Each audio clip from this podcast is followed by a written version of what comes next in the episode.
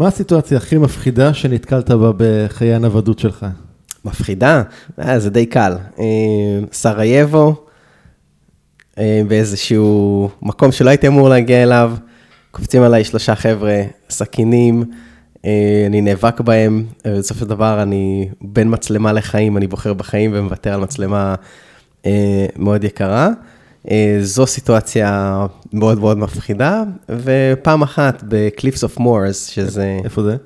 קצה העולם באירלנד, זה מקום מדהים ביופיו, טבע פראי כזה, אה, קיר ענק שבעצם נושק ל, לים, זה הקצה של אירופה, אה, וכמעט החלקתי. וואו. הייתי על הקצה שם כדי לצלם איזו תמונה, וזה, אם לא הייתי עוצר את עצמי, זה היה נגמר שם. זה היה די מפחיד. אתה אוהב לחיות על הקצה? אמ, לא, לא בהכרח, זה לא... זה לא אני. אני אוהב לעשות דברים שונים, אני אוהב ליהנות, אבל זה לא... הסיכון הוא לא מה שמוסיף לי אנדרנלין בחיים. טוב, מגניב, אז אה, אנחנו עומדים ככה לצלול איזשהו מסע, אני בטוח שיהיה מעניין ומרתק. מיד אחרי זה.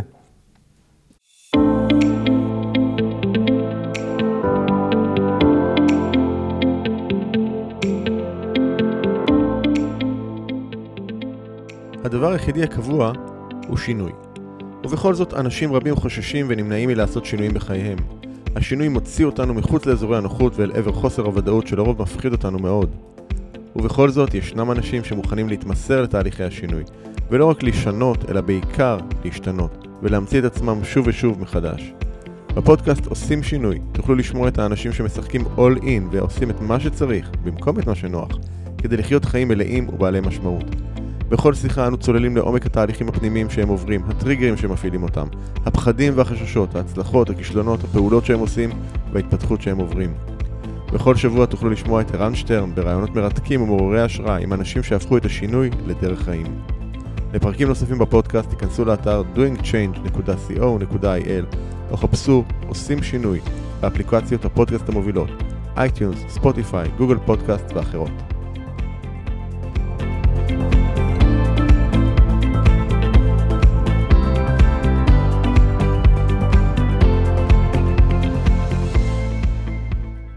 ברוך הבא, נמרוד דין קיכל. תודה, ערן, כיף להיות פה. אהלן, ברוך הבא.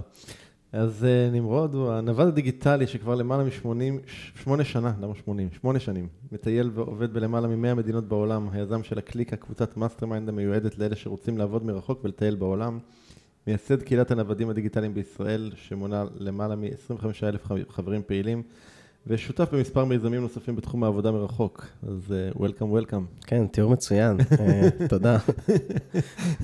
תראו מצוין, כי אתה כתבת אותו, היה מדויק. כן, לא, אני משנה את ה pitch שלי כל שבוע, אתה כל הזמן שואל אותי, מה אתה עושה? התשובה שלי משתנה ארבע פעמים ביום, כן, אני אף פעם לא יודע על מה לדבר, אני עושה המון דברים.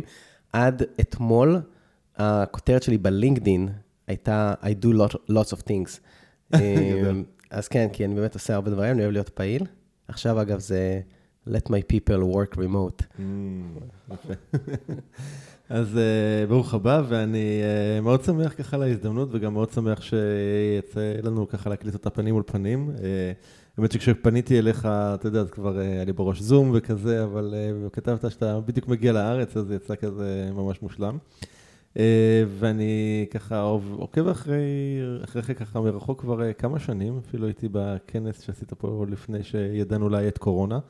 Uh, יש לך תמונה כזאת באתר מהכנס הזה, נכון? אז אני שם באחת התמונות שם, אפילו אפשר לראות אותי שם. אה, זה היה במקום הזה עם הציורים של הכדורסל על הקירות, וכדורגל, זה היה איזה shared space כזה. אה, כן, ב... כן, ב-co-working space, כן, ברמת. החייל, נכון? כן. נכון, נכון, שם. אה, כן, ואני, ואני חייב להודות שהנוודות זה משהו שככה מאוד אה, מדגדג לי. הייתה לי איזושהי חוויה קצרה של שבעה חודשים כזאת בעולם עם המשפחה. אה, זו פאזה אחרת קצת, אבל זה כן משהו שמאוד מדגדג לי לחזור אליו ככה, אז יש ברעיון הזה גם מן העניין האישי עבורי, שזה מאוד מאוד מאוד מעניין. אני רוצה לשים פה, לעשות איזה אישור קו, כן. תחילת התוכנית, שנוודות דיגיטלית, שאני מדבר על זה, ואני חושב שזו גם ההגדרה הבינלאומית-עולמית שאני תומך ומעודד בה, זה לא אומר שאתה בהכרח מטייל. אנשים אומרים, כאילו, אני נכון.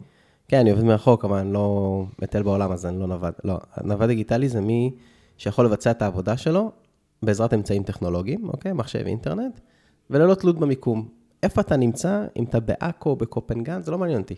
כי אם אני אומר לך, לא, אתה חייב לטייל, אז לקחתי ממך את, ה... את הדבר הכי חשוב בנוודות, שזה החופש לבחור איפה להיות. אז, ואם- זה, אז זה אולי באמת העניין, החופש. כן, ואם בא לך להיות ברמת גן, כי זה קרוב למשפחה, או אתה אוהב את העיר, או בא לך להיות בצפון, כי אתה אוהב את, ה, את הכנרת ואת הנופים, אז בסדר גמור, אתה לא צריך לטייל, וזו ההבטחה של הנוודות דיגיטלית, זה, ה, זה החופש להיות איפה שאתה רוצה, אה, ואיפה שעושה לך טוב. אני תמיד בכלל, אני, אני מאוד מדגיש את זה שהחלק הכי טוב, תחושת החופש שניתנה לי, כבר טיילתי במעל ל-100 מדינות, אה, לקחתי, אני חושב, קרוב ל-500 טיסות בשבע, שמונה שנים האחרונות. צברת מלא מיילים? צברתי המון מיילים, אני כמעט ולא משלם על טיסות יותר היום. עד שזה ייגמר, אני צריך למלות את זה, אה, למלא את המצברי המיילים. אה, אני גם אחראי להרבה מאוד מההתחממות הגלובלית, מסתבר. בוא- תורם גם לזה. לא נלך לשם אבל. יש לי אפליקציה שכל שנה היא מנטרת לי את הטיסות, היא מראה לי על מפה כמה טסתי, איזה שדות תעופה, איזה מטוסים. ואז גם בסוף שנה זה אומר, אוקיי, אתה צריך לשתול אה, שני יערות אמזונס בשביל לפצות על, ה... על הטביעת, רכב... אה, הטביעת רגל הפחמנית שלך, אבל אה, מה שרציתי להגיד, שעכשיו איבדתי את קו המחשבה, אמ- אמרת ש... אמ, ש- שאני, כן. ש- טס הרבה, אז משם... לא, ש... שאני אומר שלא החופש שלי אה. לעזוב מתי שאני רוצה, ולטוס מתי שבא לי, להפך, זה החופש שלי לעצור מתי שאני רוצה. הגעתי למקום שאני אוהב, אומר, וואו, כיף פה, נחמד פה, הכרתי קהילה, הכרתי בת זוג, אני אוהב את המזג האוויר, אני אוהב את העיר, לא משנה מה, אני יכול לעצור, להגיד שלום, הגעתי, זה הבית שלי, מזכיר מקום, נחמד לי לחדר כושר, לא הולך אף פעם, ונהנה מהחיים, כי זה, זה, זה החופש בנוודות דיגיטלית. אני, אני, אני יכול להתחבר לזה, גם, גם כשאנחנו טיילנו עם משפחה שבעה חודשים, אמנם זה לא היה קרוב למה שאתה מדבר עליו שאתה עושה, אבל עבורי באמת המקומות שהיו יותר אה, מעניינים ויותר כיפים, ו- והכי נהניתי מהם, זה באמת היו מקומות שעצרנו בהם לזמן ארוך.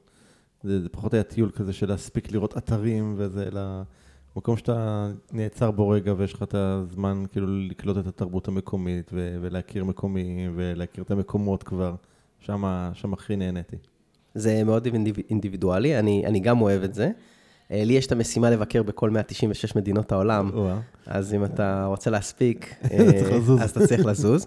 אני כן, יש הרבה אדרנלין בטיסות האלה, אתה יודע, חלק מהשם שלי ומה following שיצרתי ברשתות החברתיות, היה מזה שחייתי כזה חיים של jet setter. כל יומיים שלושה, על מטוס, יושב בלאונג', עולה לטיסה, משתדרג לביזנס לפעמים, או שלושה מושבים לעצמי, אתה- אז אוקיי, דין בפריז, דין בדובאי, דין בסידני, דין בסינגפור, דין בהוואי.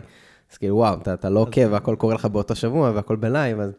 אה, אבל כן, היום אני מעריך יותר את ה-quantity, את ה-quality over quantity. אני מנסה באמת קצת להעריך את השהייה שלי, אני גם יותר עסוק, אני פחות מטייל, אני פשוט חי במקומות. כן, אני מגיע ואני לא בהכרח הולך לטפס על האייפל אם אני בפריז. אני, תן לי ליהנות מהעיר. טוב, אז בואו רגע נתחיל ככה מההתחלה, קצת קפצנו פנימה, אז, אז אה, שאלה שאני אוהב להתחיל איתה זה מי זה דין, היום לפחות. מי זה דין? אה, וואו, שאלה שלא שאלו אותי וגם לא הכנת אותי אליה. לא יכול להתח... אני לא מכין את המרואיינים באופן כללי. תראה, ב- ברמת ה- החוצה, מה שאני מנסה לעשות, ומה שאני רוצה שיהיה הלגאסי שלי, זה באמת, אה, I stand for remote work. העבודה מרחוק והנוודות דיגיטלית, אני רואה בה הבטחה גדולה לא רק לעסקים ולעובדים, אלא בעיקר לעולם. אני רואה איך זה פותח הזדמנויות לאנשים אה, באפריקה או במדינות עניות יותר. אני רואה איך זה פורץ גבולות ושובר את הגבולות ומוריד את הגבולות. אה, וזה מי, שאני, כלומר, זה מה שאני רוצה להביא לעולם. אה, אבל בקור שלי, אני בן אדם של אנשים, אני באמת people person, אני אוהב לעזור לאנשים, אני אוהב לשנות להם את ה- הפרספקטיבה על החיים. אה, ההרצאות שלי הן הרצאות כאלה ממלאות השראה, שהן המון סביב הטיולים בעולם, אבל אני לא חושב שאנשים צריכים לעשות מה שאני עושה. אני לא חושב שזה הדבר הכי נכון, אבל אנשים צריכים לחיות חיים... אין, אין איזה one size. אין לזה וואנס. אנשים צריכים לחיות חיים מאושרים ושכיף להם ושטוב להם ושעושים מה שבא להם, והיום, בעידן הזה, יש כל כך הרבה הזדמנויות. זה מי שאני, כאילו, מבחינת וואלה, I stand for. אה, מעבר לזה, אני חבר, אני משקיע, אני יזם, אני טיילן, כן, אני אוהב טייל, ו... אז כן, זה living my life, כאילו, כשאני מסתכל על זה, בנקודת מבט שלי זה פחות אקסטרימי, איך שזה נראה בה. אבל אני עושה המון דברים, אני באמת, אבל זה הכל סביב אנשים, זה הכל, כל היום, אמ, סביב ה following שלי, סביב הקהילה שלי, לעזור לאנשים, וזה הכיף, זה הסיפוק הכי גדול שלי. לקואוצ' שלי יש בעיה גדולה עם זה, אגב, כי הוא לא מבין איך זה שהוואי שלי זה אנשים, ומה איתי, אנחנו עובדים על זה. אמ, אני, אם ככה נלך רגע אה, לתחילת אה, ימיך, בעצם אה, כתבת לי שאחת הנקודות לפני זה היה בכיתה י"א, שאתה בעצם עוזב את הלימודים ולא לא עוזב את בית ספר ולא ממשיך. מה, מה היה שם ואיך איך הסביבה, אגב, הגיבה לדבר כזה? זה כאילו פחות, כאילו כבר אז יצאת מתוך התבנית והמסלול הרגיל. הייתי ילד טוב, אבל תלמיד גרוע. פשוט לא הסתדרתי עם המסגרת, עם המערכת חינוך, עם השיטה. ובאמת בסוף י"א אני פשוט מחליט לא להירשם לבית ספר, אמא שלי הייתה בחו"ל, אמא שלי מדריכת טיולים בחו"ל, זה אגב מסביר mm. את אהבתי לטיולים בעולם. אה, והיא הייתה בחו"ל, ואני, כשכתבה לי, כאילו, אוקיי, מה, נרשמת לבית ספר? אמרתי לה, לא, החלטתי שאני לא הולך השנה. ולהפתעתי הרבה, היא אמרה, אוקיי, בסדר, אם זה מה שאתה רוצה, אז אה, זה מה שתעשה. לא, לא נלחמו איתי, גם בבית הספר, להפתעתי לא נלחמו שאני אשאר. אני לפני כמה חודשים, אתם יכולים להיכנס לפייסבוק האישי שלי, פרסמתי את התעודת אה, סיום שלי של י"א או משהו כזה, ממוצע של 35. ווא. כאילו, כל המקצועות, 30, 30, 35, הכל. מחשבים, שזה תחום שאני מתעסק בו היום, אנגלית, שיש לי אנגלית מצוינת. אה, רק בתקשורת, יש לי 90. אז, אז כתבתי לזה פוסט מעניין, אבל אז כן, אני מחליט לעזוב, ו... ואני פתאום מתחיל להתפרנס מקצת עבודה במחשבים, באמת, שזה תחום שאני מבין בו ועוסק בו. ויש לי זמן פנוי, אז אני מקבל הצעה אה, להשתתף בערוץ אה, Y, נראה לי קראו לזה בזמנו, ערוץ הנוער של יס, yes, שרק הגיעו לישראל, ומוצא את עצמי בתוכנית יומית עם מיכל ינאי ואל בר זוהר ובקי גריפין, ופתאום אני על המסך הגדול. וואלה, על מה דיברת שם? אה, זו הייתה תוכנית אה, לנוער, שהיינו מראיינים כל מיני מפורסמים, אה, ואני הייתי עושה כתבות שטח, והייתי בתוכנית מנחה ביחד איתן, אבל הייתי כל הזמן אחראי להביא אה, דברים מהזווית של ה... מה קורה באינטרנט, ומה okay. עשייה, ודברים מגניבים, דברים חדשים. הייתי כזה הנער המחשב, זומבית כזה. אמ, אבל זה היה כיף, זו הייתה חוויה משנה, גם אני חושב שהרווחתי הכי הרבה כסף פר שעה, אז אי פעם. אמ, וזו חוויה שמשנה אותך, אתה מסתכל רגע, להתחיל לפתוח הזדמנויות, ואני בן 16 אה, וחצי, 17, ונוסע עם האוטו לתל אביב, נרשמתי לבית ספר אקסטרני, ואני לומד עם כולם אה, בני 23-4 שמשלימים בגרויות. ואני משלים את הבגרות, וסיימתי עם תעודה טובה מאוד, אתה יודע, כזה 80 פלוס, לא שאני חושב שזה היום... משנה למשהו. משנה למשהו, למישהו, כן. אה, לא, לא נפתח את זה היום. זה... אני רוצה להבין, אף מנהל בנק לא ביקש ממך את תעודת הבגרות שלך? אה, אף מנהל בנק, אני, אני מקווה שלא, כי אני אצטרך לעבוד עם מזומן, פחות נוח. אתה יודע, גם יש לי שני תארים, ולמדתי לימודי תעודה ב-NYU, ואני לא פוסל את זה, אגב, שזה פתח לי דלתות, וזה... אפשר לי דברים, אבל לא למדתי שום דבר. שני השיעורים שאני זוכר מהתואר שלי, הם לא קשורים בכלל לעולם העסקים והכלכלה שלמדתי, הם סתם שיעורים על החיים בכלל. אמ, ב personal, אתה יודע, מה שאתה עושה, בעולמות של קואוצ'ינג, בעולמות של mentorship, דווקא זה מה שהשאיר לה את החותם, אבל כן, אני פשוט הופך להיות איזה בן אדם מאוד מאוד עצמאי, שקצת בגיל מאוד מוקדם עושה דברים שונה מכל הסביבה שלו. אמ, ואני זוכר שבגיל כשהוא הייתי בן 17 בערך, הייתי באקסטרני תל אביב, גרתי בראש העין אז, וכל אותם בני 23, 24, שאני מספר להם שאני אני הולך לטוס לחו"ל, אני הולך לעשות משהו שונה, אני הולך לנסות כאילו... כבר, כבר מאז היה לך ברור? בגיל, עוד, עוד לפני זה, בגיל 13 כבר דיברתי על זה, שאני רוצה לנסות לחיות בחו"ל. אמ, ואני זוכר איך הם צחקו אליי וכל אמרו לי, ילד, שהיו בגילך דיברנו אותו דבר, התבגרנו והמציאות... אה, שחרר את החלומות. טפחה על פנינו. ווואו, אני זוכר את זה כל כך טוב, את השיחות האלו, וכי הייתי כזה, אני, אני עדיין קטן, אני עדיין נמוך, ונולדתי באותו גובה שאני עכשיו פחות או יותר, אז אה, אמ, כן, זו הייתה נקודת מפנה שהבנתי, אוקיי, אפשר לעשות דברים אחרת, וממשיך להוכיח את עצמי, לעצמי את זה, ואני לא, אני גם מבין, זה מצחיק, כי ככל שאני מצליח יותר, אני מבין שהכל אפשרי, וככל שאני פוגש יותר אנשים, אני מבין שאני לא מיוחד. ש- שעוד אנשים עושים את זה. ש, שכל אחד יכול, כן? כאילו, אני באמת, אין לי איזה super power, לא נולדתי עם איזה כישרון שאין אף אחד, אני לא ביונסה, אבל, וגם, אגב, גם אומנים וגם דוגמנים וגם זמרים, בונים אותם, כן? מישהו, כן. זה, אז זה, זה, זה mindset, זה כאילו כמה אני רוצה, ו, ויש דברים שאני לא מצליח, כן? כי אני לא מספיק רוצה אותם לפעמים. אה, או מתנאים חיצוניים, אבל זה, זה בסדר, זה חלק מהתהליך. אבל כן, זה ה, זו נקודת מפנה שגם הידיעה הזאת שהתמיכה של ההורים, שאמרו לי, go do it, do it your way, וכאילו יש איזושהי... ש- שזה אגב מעניין, כי... סתם, אני יודע, גם ההורים שלי בדרך כלל די התנגדו לכל שינוי שעשיתי, כי בעיקר כשהוא היה יוצא מהמסגרת הקלאסית של אה, תלך ללמוד מקצוע, תמצא עבודה, ת- אתה יודע, משכנתה, בית, אה, עבודה, ילדים, תפליג בביטחון לפנסיה. כאילו, כל, כל פעם שהייתי סוטה קצת מהנתיב הזה, אז אה, הם היו מאוד מאוד נלחצים ומפחדים, ו- וכאן בעצם ההורים, אתה אומר, תמכו בך. תגיד, אתה מפקיד לפנסיה? כי אני צריך לבדוק את ההפקדות שלי, האמת. אבל אה, לא, אני לא, אני לא תושב ישראל, אני לא חי בארץ, אז אה, הפנסיה שלי היא אחרת, אבל... אה, כן, לא, זה הפתיע אותי גם מבחינת ההורים שלי שאפשרו את זה, אבל אני חושב שאני לא הורה בעצמי, אז אני עוד לא יודע להגיד את זה. אבל נראה לי שהתפקיד שלי יהיה כהורה זה לא להגיד לילד מה לעשות, אבל לתת לו איזה גיידליין שלי לחיים ולעשות את הבחירות. אני לא יכול שמישהו אחר ייכשל בשבילי, או שמישהו אחר יצליח בשבילי, כי אני לא אלמד מזה שום דבר, כן? זה לא יהיה שלי. כן. אה, אני שמח וגאה על כל הכישלונות שלי, כמו שאני שמח וגאה על כל ההצלחות שלי. אמרת פה באמת משהו מעניין, כי אני חושב שבאמת הרבה פעמים, אה, אני יכול לראות על עצמי בנקודות מסוימות, בטח בתחילת החיים, אנחנו הולכים לעשות כל מיני דברים שהם באמת אה, להגשים מטרות שהן לאו דווקא שלנו. אה, תמיד, אה, תמיד צוחק על זה שכשסיימתי את הצבא והיה לי ברור שאני אלך להיות מהנדס, אז היה לי חופש בחירה מוחלט. ההורים שלי אמרו לי, תהיה, כאילו, שאני יכול לבחור איזו הנדסה שאני רוצה. כאילו, זה היה מאוד ברור שאני יכול להיות כל מהנדס שאני רוצה, העיקר שאני אהיה מהנדס, כן? אמ, ופה בעצם אתה מתאר ככה משהו, הורים קצת אחרים בהקשר הזה.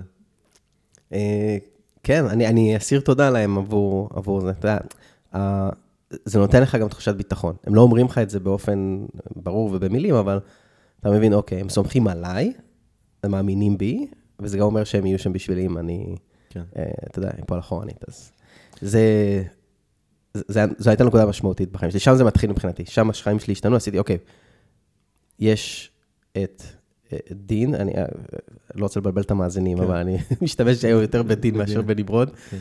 אבל יש את דין של, של לפני ודין שאחרי, שהוא כאילו, אוקיי, הולך להיות איזשהו פורץ דרך בחיים שלי עצמי. אז, אז תאר ככה ככה קצת את המסלול באמת מהנקודה הזאת עד שאתה רשמית, נקרא לזה, אה, הופך ומגדיר עצמך להיות נווד דיגיטלי, איך, אה, מה, מה בעצם, מה התהליך שאתה עובר? אתה יודע, הנו- הנוודות דיגיטלית התחילה אצלי בגיל 32 בערך, אני בן 39 עכשיו, אז יש בין הצבא לבין אה, זה, יש 14 שנה של המון תפקידי מחשוב, תמיד הצטיינתי במחשבים, וזה מה שהתעסקתי בו. הייט- הייטקים וכאלה? כן, כן, בהייטק. בצבא ישבתי במעצר כי יום אחד כי נלחמתי ללכת לאיזו יחידת מחשוב שמאוד רציתי, וזה עבד, וזה פתח לי אחר כך... אה, אז, למה מעצר? כי רצו לשים אותי בהנדסה קרבית, לא התפניתי. לא התפעד. אה, אז כאילו נלחמתי על איזושהי, לא רוצה להגיד זכות שהייתה לי, אבל אה, ידעתי למה. אני חושב שכאילו זה גם הייתה הדרך שלי לתרום הכי טוב למ- למדינה. אני אגב המשכתי לעבוד בשירות המדינה אה, שבע שנים נוספות אחרי זה, גם בחו"ל, גם בישראל. אה, ועברתי לחו"ל מיד אחרי הצבא, עברתי לניו יורק, עבדתי שם במשרד החוץ, וזה גם הייתה הטעימה הראשונה של חו"ל ככה, כרילוקיישן, כמו שהבטחתי לעצמי כבר בגיל 13, ועם עבודה מצוינת, אנשים מעניינים, גם תרומה גדולה למדינה. והמשכתי אחרי זה לעוד כמה תפקידים מעניינים יותר שלא מדברים עליהם בפודקאסטים. ו... ובהייטק הישראלי, ותוך כדי אני עושה תואר ראשון בכלכלה ותואר שני במנהל עסקים, ובניו יורק עוד למדתי גם כן ב-International Business ו-Finance. אגב, תמיד, למרות שכל החיים התעסקתי במחשבים, תמיד התעסקתי ולמדתי כלכלה ועסקים, כי אמרתי, יבוא האקזיט, אני צריך לדעת איך לעשות את הכסף. זה לא הגיע, טרם. ו- וגם הסיפור של הנוודות שלי הוא מקרה. כלומר, אתה יודע, זה איזשהו... אה, זימנתי את זה כנראה כל חיי, אם אתה מקשקש על זה כן. בלי סוף. אמ, עברתי לסן פרנסיסקו, חיפשתי עבודה אה, מרילוקיישן, לא ידעתי בכלל שיש דבר כזה נוודות דיגיטלית, mm. עבודה מרחוק, לא היה קיים בעולם שלי. אני גדלתי, יליד שנות ה-80, על החלום הישראלי, שתעשה רילוקיישן לאמריקה, ויהיה לך כן. ג'וב טוב, ותחסוך כסף ותחזור לישראל. זו הייתה ההזדמנות הכי גדולה לישראלים בתחום ההייטק. וזה מה שעשיתי. עברתי לסן פרנסיסקו, ומהר מאוד הייתי צריך לעזוב את סן פרנסיסקו, כי זה היה ימי צוק איתן, אה, טילים על מרכז הארץ, שגרירות ארה"ב נסגרת, אין ויזות יותר, אין ויזות עבודה.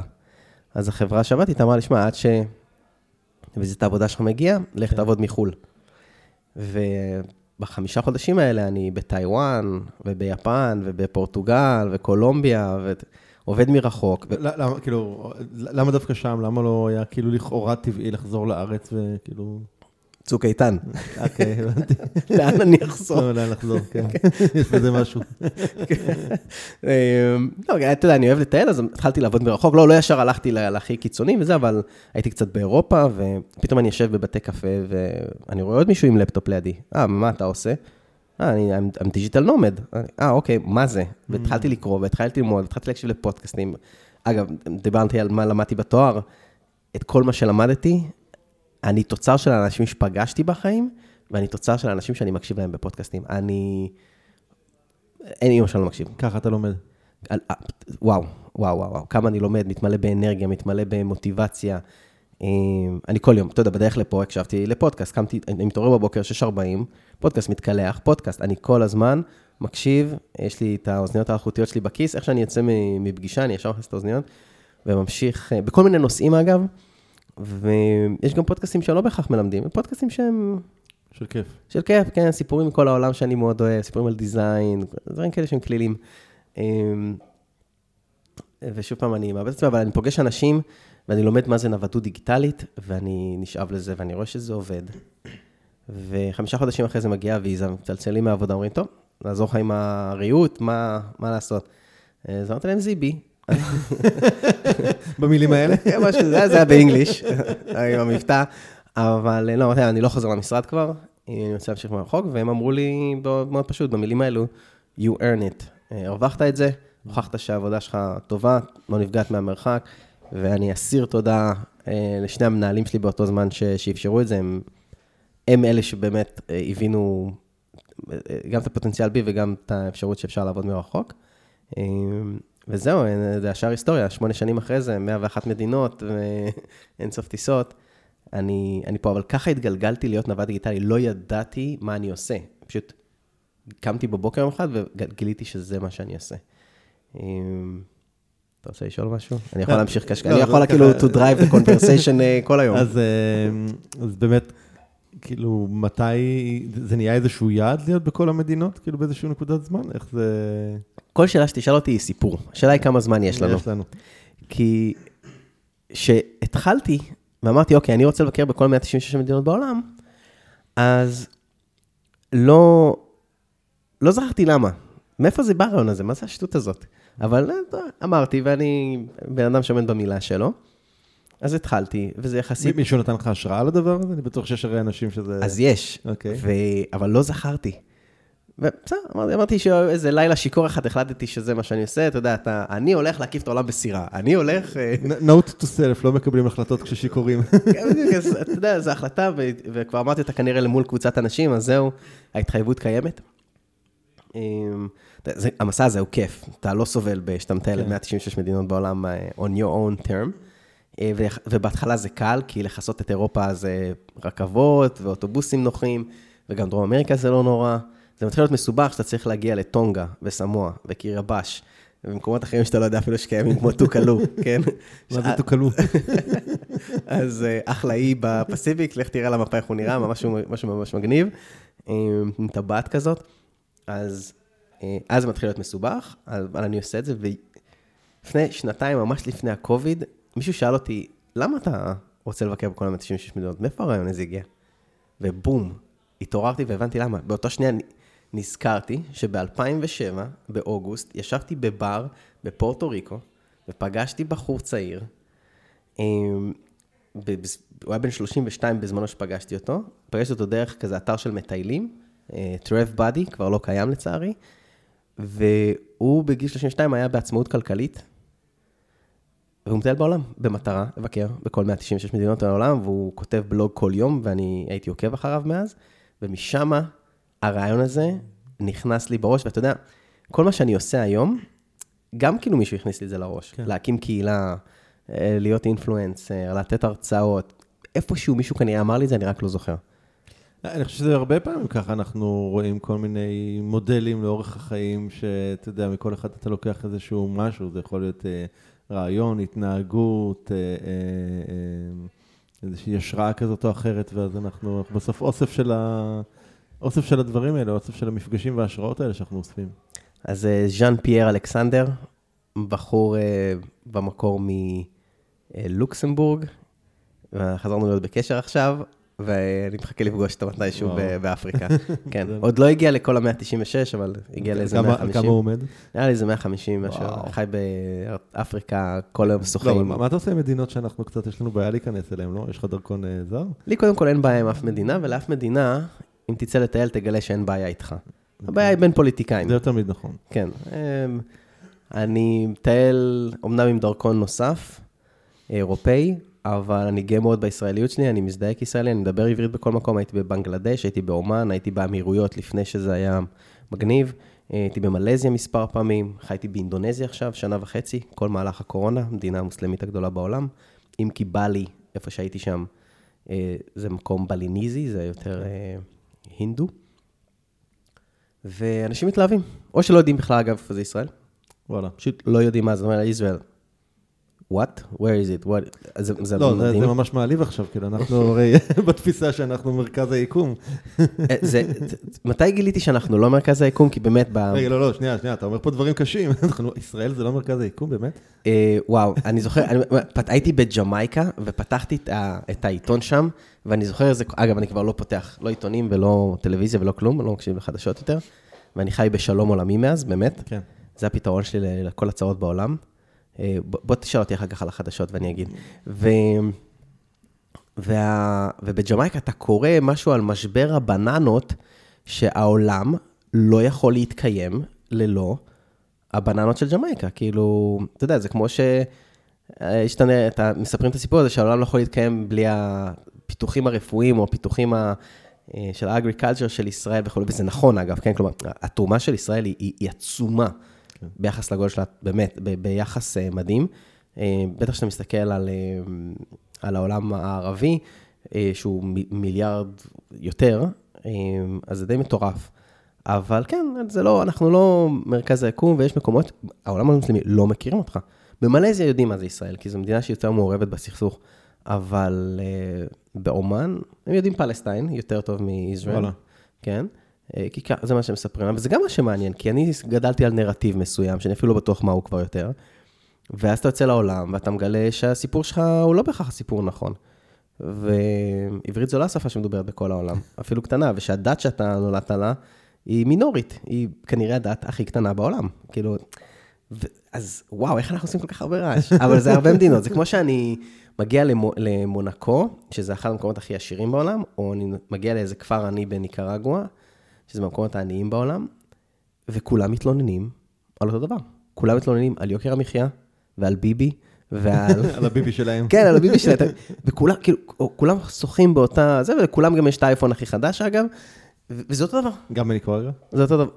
כן, אתה יודע, לכולם יש סמארטפונים היום, אני חושב שזה, אגב, חשוב שלכולם יהיה סמארטפונים היום. זה באמת סוגר את ה... תחשוב שלי, לך, למאזינים, ולכל ילד עם סמארטפון באפריקה או בהודו, יש את הגישה לאותו ידע ומידע כמו נכון. לנו. זה, זה יפה ומדהים, זה, זה גם מהווה איום על... על הממשלות. על ה... עליי כ, כבעל מקצוע וכמי שיכול להתחרות בי, אבל אני חושב שהעולם צריך ללכת למקום הזה. גם ככה עליית הרובוטים והמכונות אה, מעבר לפינה. תגיד מילה על החדשות שהתחלת להגיד קודם. אז אה, בהרצאות שלי אני תמיד אומר שאני חי בשלום עולמי, ופשוט turn off the news. אני כיביתי את החדשות. הפסקתי להקשיב, הרי מה זה חדשות? זה איזה מישהו כמוני כמוך, שיש לו דעה. כן, ויש לו גם לפעמים אינטרס. ואינטרס, ולמה אני צריך להקשיב לדעות של האנשים האלה? כאילו, מי זה? לא מכיר אותו, לא פגשתי אותו בחיים. אני קורא את העיתון, אני פותח את הטלוויזיה ויושב ואומר, איזה ג'ון שמו, כאילו, אה, אני חושב ככה וככה, והפרשנים, אני קורא כותרות כדי לדעת מה קורה בעולם, אבל אני לא קורא את הפרשנויות. וההקבלה... שגם הכותרות מאוד מוטות. אה, לחלוטין, לחלוטין. כן. אני, באחד, באחת העבודות שעשיתי בעבר עבור המדינה, הייתי בצד שמייצר את החדשות. ואתה קם בבוקר ואתה קורא מה שכתוב, ואין שום קשר בין מה שהיה לבין מה שנכתב, ועיתון אחד כותב X, העיתון השני כותב Y, אתה מבין שזה הכל איזשהו אה, משחק של marketing בסופו של דבר. ובאמת, מאז שקיבלתי את החדשות, אף אחד לא אה, מנסה להרוג אותי במקסיקו, ולא שונאים אותי באומן, ולא יחטפו אותי במלזיה, ולא כל הדברים האלה שמנסים להפחיד אותי. אה, העולם הוא מקום טוב. אתה יודע, אתה פותח, אומרים, אל תטוס למקסיקו, אה, יהרגו אותך. אה, פתח את העיתון של מקסיקו היום, כמה תיירים נהרגו אתמול או שלשום, אפס, אפס ואפס.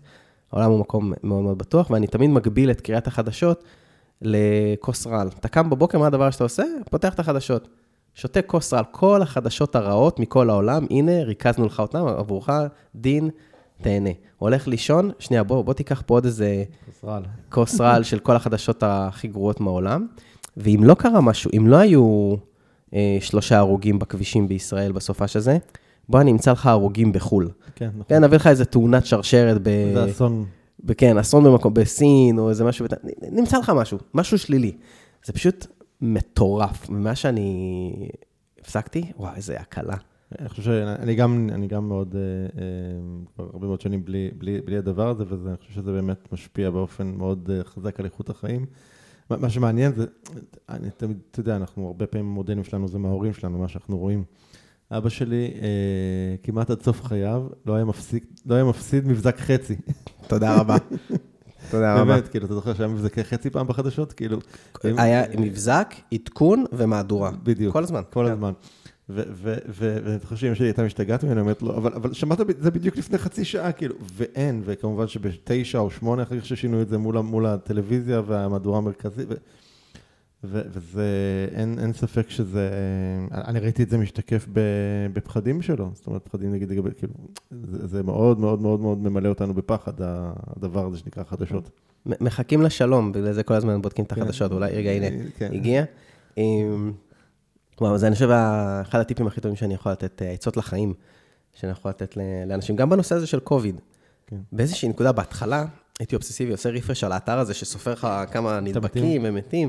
אז אמרתי, למה זה כאילו מעניין אותי? מה אכפת לי? מה... הרי כל כך הרבה דברים קורים בכל שנייה עכשיו נכון. בעולם, תאונות, אה, דברים רעים וזה, למה צריך לדעת על זה?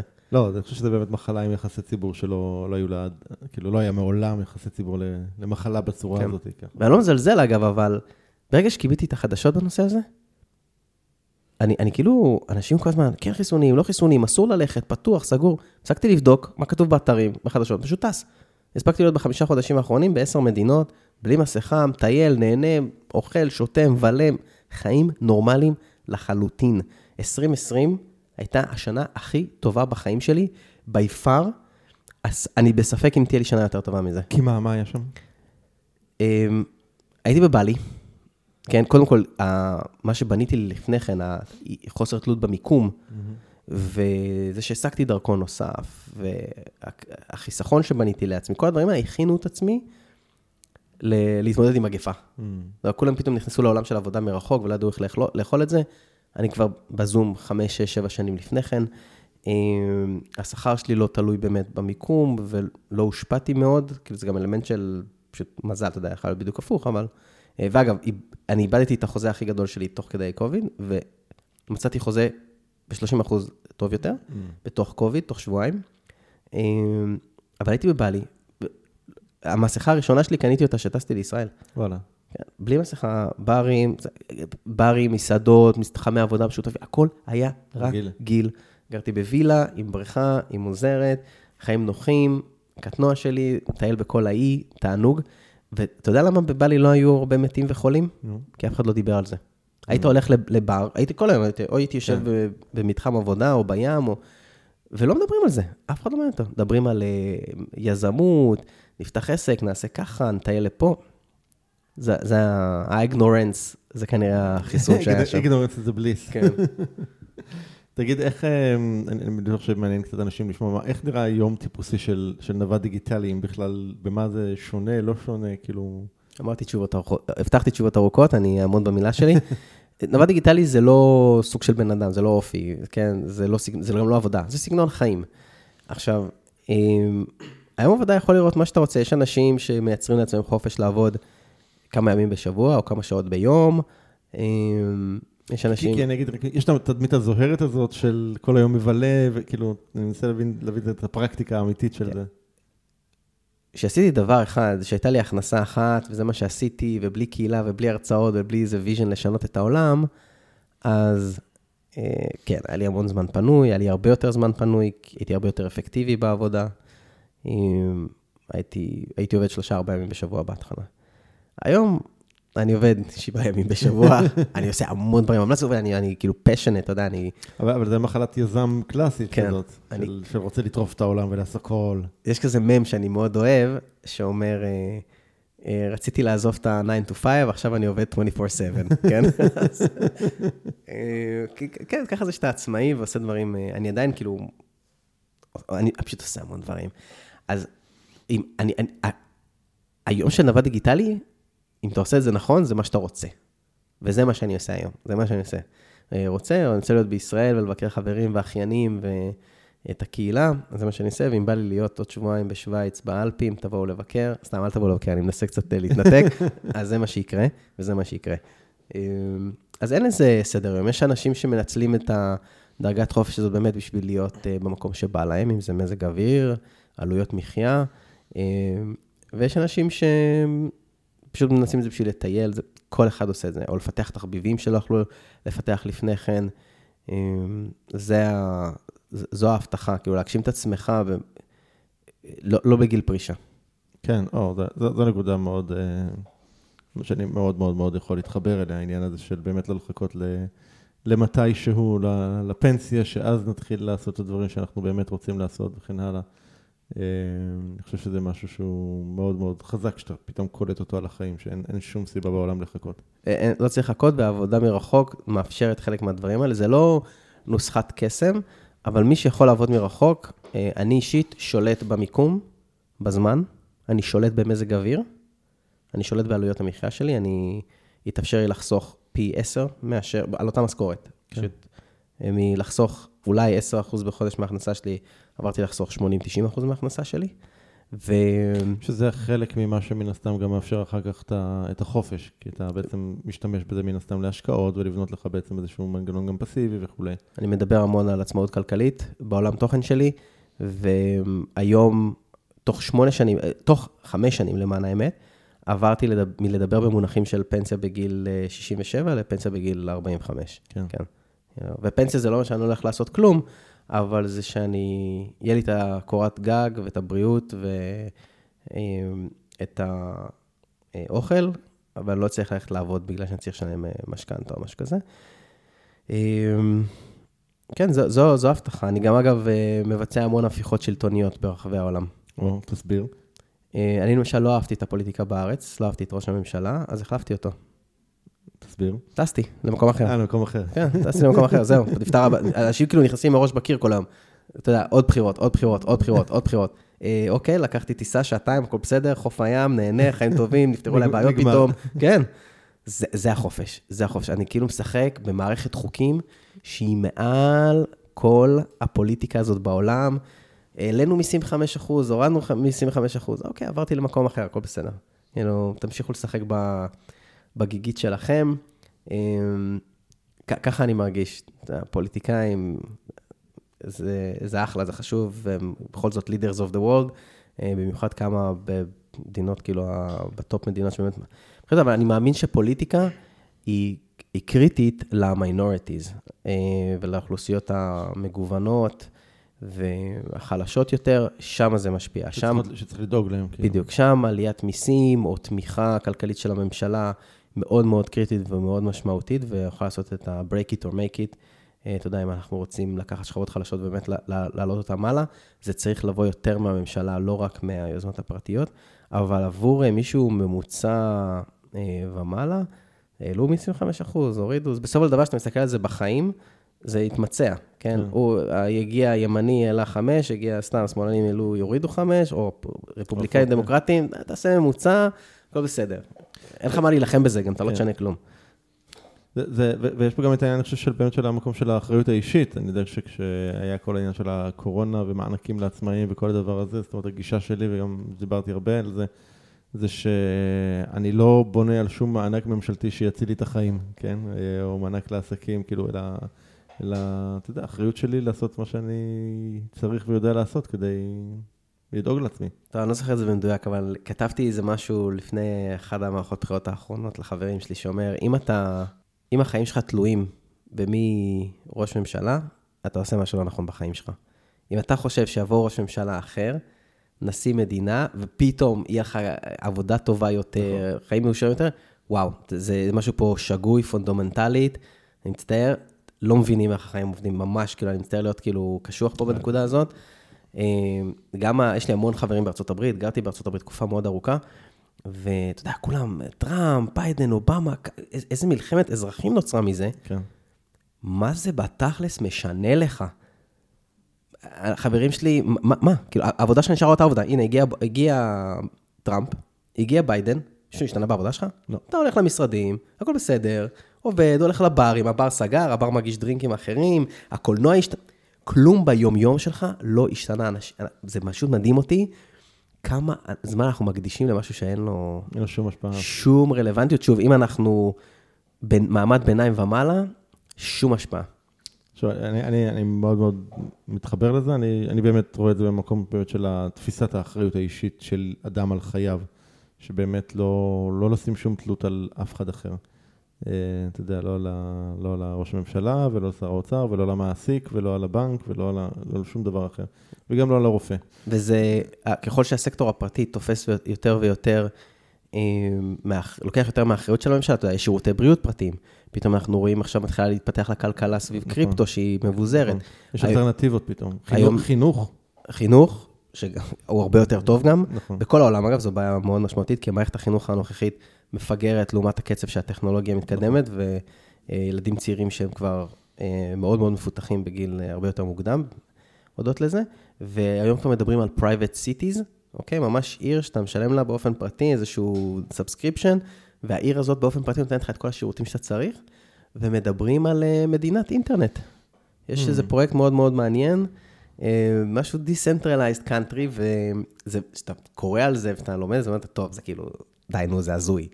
אה, אבל גם כשדיברו על קריפטו, זה נכון, היה הזוי. פתאום שוק של שתיים- של 2.8 טריליון דולר. אה, אז כן, ה- ה- ה- הכוח עובר היום יותר ויותר לאנשים, למרות שזה לפעמים לא נראה להם, אה, אבל הכוח היום הוא אצל ה- אצל האנשים. פשוט השאלה מה הם מבזבזים את הזמן שלהם עליו. אז עדיין יש את העניין הזה של, אתה יודע, של תושבות ומיסים שמשולמים וכולי וכולי וכולי. זאת אומרת, כדי להגיע באמת למקום כזה, אז יש פה איזשהו עניין של לנתק את עצמך באיזושהי צורה מכל הדבר הזה. כן, אני, אני הולך לאן שמתייחסים אליי יפה. הבנקאות הכי טובה בארצות הברית לטעמי, אז אני אפתח חשבון בנק בארצות הברית. העסק הכי טוב לפתוח אותו זה באנגליה, אז אני אפתח עסק באנגליה. אני עושה אופטימיזציה לחיים שלי, כן? אני אוהב לחיות בבלי, אני אלך לגור בבלי. אני אוהב את עלויות המחיה של תאילנד, אני אלך לחיות בתאילנד. והעולם בנוי לזה היום ויש אלטרנטיבות. כמובן, ההכנסה מרחוק היא, היא מפתח בזה, ונוצרה לי הפריבילגיה הזאת מתוך עבודה מאוד מאוד קשה.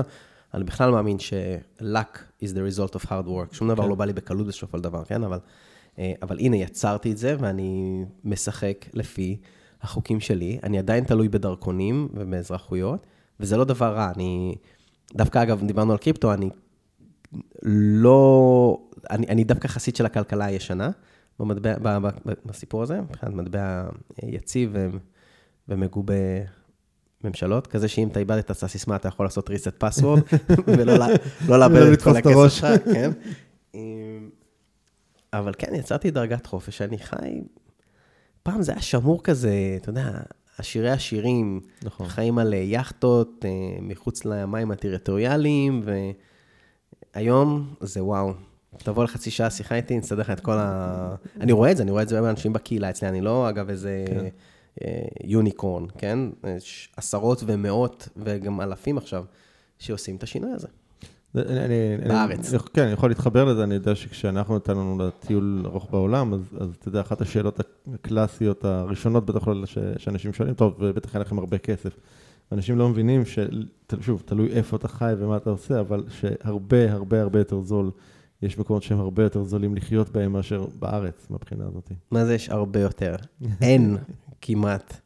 אה, ישראל היא אחת מהיקרות בעולם, אוקיי? איכות החיים פה, אגב, היא גם גבוהה מאוד וטובה מאוד, אני חייב כן. להגיד את זה, אני מאוד אוהב את ישראל.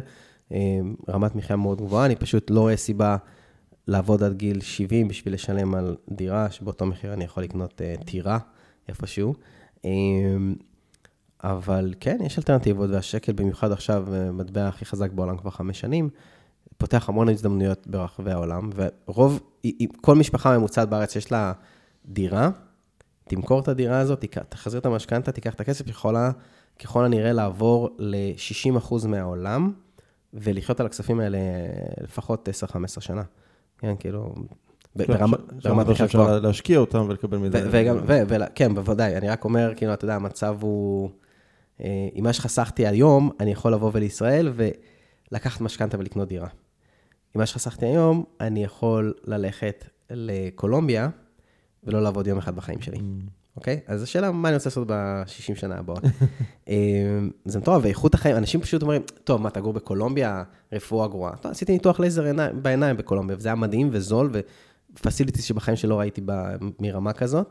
אה, ותרבות ואוכל מעולה, ואנשים נחמדים, ותרבות אגב מאוד דומה לתרבות הישראלית בקטע של התא המשפחתי. אה, ויש אלטרנטיבות, ורוב העולם זול יותר. תחשוב על זה כאילו, דרום אמריקה, מרכז אמריקה, אפריקה, אפריקה אגב יש אזורים יקרים מאוד. רוב אה, אירופה, מזרח ואפילו מערב אירופה, כל אסיה, יותר זול מישראל, כאילו, כל מדינה שתגיד לי, היא יותר זול. זה, אה, זה מטורף. ודווקא בגלל שאני מגיע עם, ה, עם השקל שלי, או עם הדולר שלי, אז אני יכול באמת, אה, ניתן יתרון גדול מאוד. נותן לי יתרון, ואני גם שמח מאוד, אגב, to stimulate the economy בכל מקום שאני הולך. הפסקתי להתמקח, ומכבד מאוד את הכלכלה המקומית, ו... ונהנה מזה. תגיד, עכשיו, עם כל ענייני הקורונה באמת מסביב, זה עדיין, כאילו, אפשר להתנייד ולטוס, ואתה יודע, כן חיסונים, כאילו להיכנס, בידודים, זה לא, לא משפיע באיזושהי צורה על ה... עבור. אני לא יודע, אני לא בודק.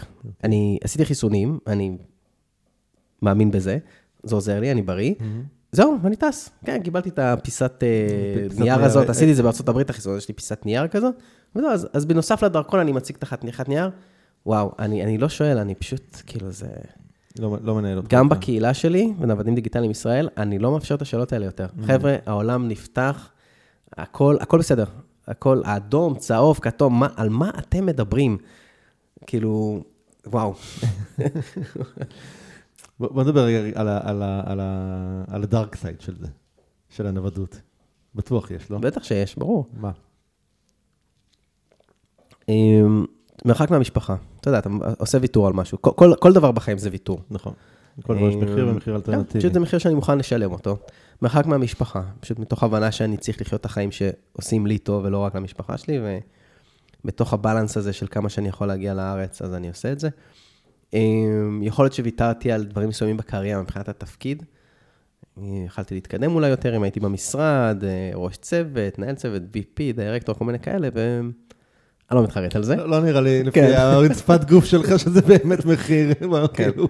אמ, בוא. לא, אבל, זה איזשהו מחיר, כי, אני מאוד, אה, אני אוהב את ה-corporate world, ואני אוהב להיות בחברות, אני מצטרף המון לסטארט-אפים, ואני אוהב להצמיח ולהגדיל אותם. אמ, וויתורים נוספים, אני חושב שאני רווק. אה, זהו, זה- רציתי אפשר לשאול... לעשות את את זה תוכנית שידוכים? יש לי פה את שאלת האימא הפולניה, חיכיתי שהיא תגיע. 39, רווק, ללא ילדים. לא, אבל אה. באמת, כאילו, כאילו, כל העניין באמת של קשר וקשר זוגי, זה... איך- אה, זה לא שזה לא קורה, אבל אה, בהחלט היו לי כמה מערכות יחסים אה, מאוד יפות, אבל הבחירות שלי בחיים לא פשוטות לעכל אותן, ואני כנראה עוד לא בשלב שאני מוכן לוותר או לעצור יותר מדי. אני כן מאיט את הקצב מאוד, וכן הייתי במערכת יחסים אה, משמעותית, שהייתי עכשיו בבלי שנה וחצי, אבל הנה- העצירה הזאת אפשרה לי פתאום לפתח את המערכת כן, היחסים אפשר. הזאת, לא רק אגב ברמת הזוגיות, אלא גם בעומק של הקשרים. כמו שאמרתי מקודם, אני עובר מקוונטיטי לקואליטי. אני בן אדם של אנשים, אני, וואו, אני מכיר עשרות ומאות אלפי אנשים היום בעולם שפגשתי כבר, אתה יודע, מכיר ברמת השם או היי וזה, אבל אני עכשיו מנסה קצת לשנות את זה וליצור איזשהו מעגל מאוד קרוב, וזה ידרוש ממני להיט. אבל כן, זה פחות קל אה, לייצר זוגיות במצב כזה. היום אני מחפש בעיקר, למשל, מישהי שכבר חיה את החיים הזה, mm-hmm. החיים האלו. זה נורא מלהיב אה, לשמוע, כן, אפשר לטייל בכל העולם, ו-let's do it, אבל זה mindset שצריך אה, להיכנס אליו. אה, אז כן, יש, יש איזה מחיר בזה, וגם בתור מישהו שהוא travel solo, אני לא travel alone, אני מטייל לבד, אבל אני לא בודד, כן? אבל... זה, זה, זה גם עניין של אופי. כל זמן להגיע לשדה תעופה לבד, לנחות במקום חדש לבד, אה, ממש push myself out of comfort zone. אני קודם, אני כאילו סוגר טיסה, אה, אוקיי, יש טיסה 6 דולר לנורבגיה, בוא נקפוץ לאוסלו.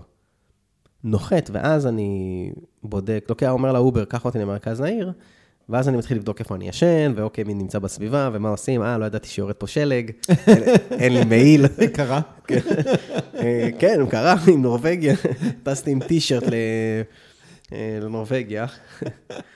החיים לא צפויים, אבל אה, יש... לא, כאילו, היה אפשר לדעת שיורד שלג בנורבגיה, מן הסתם, לא? כן. לא, אגב, עוד משהו שאני לא עושה, אני לא בודק את המזג אוויר. אוקיי. אני לא זוכר מתי עשיתי פעם אחרונה, כאילו, אתה יודע, אין לי כאילו אפליקציה של weather או משהו, כי זה לא משנה לי. יש לי, כל החיים שלי נמצאים במזוודת יד אחת. בטרולי כזה? בטרולי, ושעולה איתי למטוס, ותיק גב עם הלפטופ. אמ, זהו, זה כל מה שיש לי, אז גם יורד שלג, זה לא משנה, כי אין לי מה ללבוש.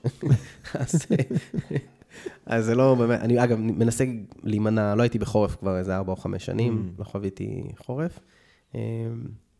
אז כן, זה, יש ויתורים, אבל כשאתה חי חיים כל כך מלאים ומאושרים, אז אתה לא... אבל אתה לא תרצה מתישהו להגיע באמת לחבילה הקלאסית של אישה, ילדים, כזה, זה לא, כאילו, אתה יודע, יש אנשים שזה לא מתאים להם, אני... כאילו- יכול להיות, אני לא יודע את זה פשוט עדיין. כשזה יגיע, וזה היופי בחיים שלי, אני יכול לעצור מתי שאני רוצה. אם כן. מחר אני מכיר מישהי, אם זה בישראל או בעולם.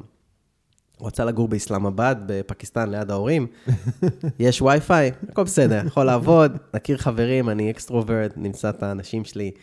אמ, זה לא המיקום, זה למצוא את הבן אדם הנכון. כן. אמ, אגב, מבחינתי כאילו זוגיות בהחלט dictate my, my life אמ, בנקודה מסוימת.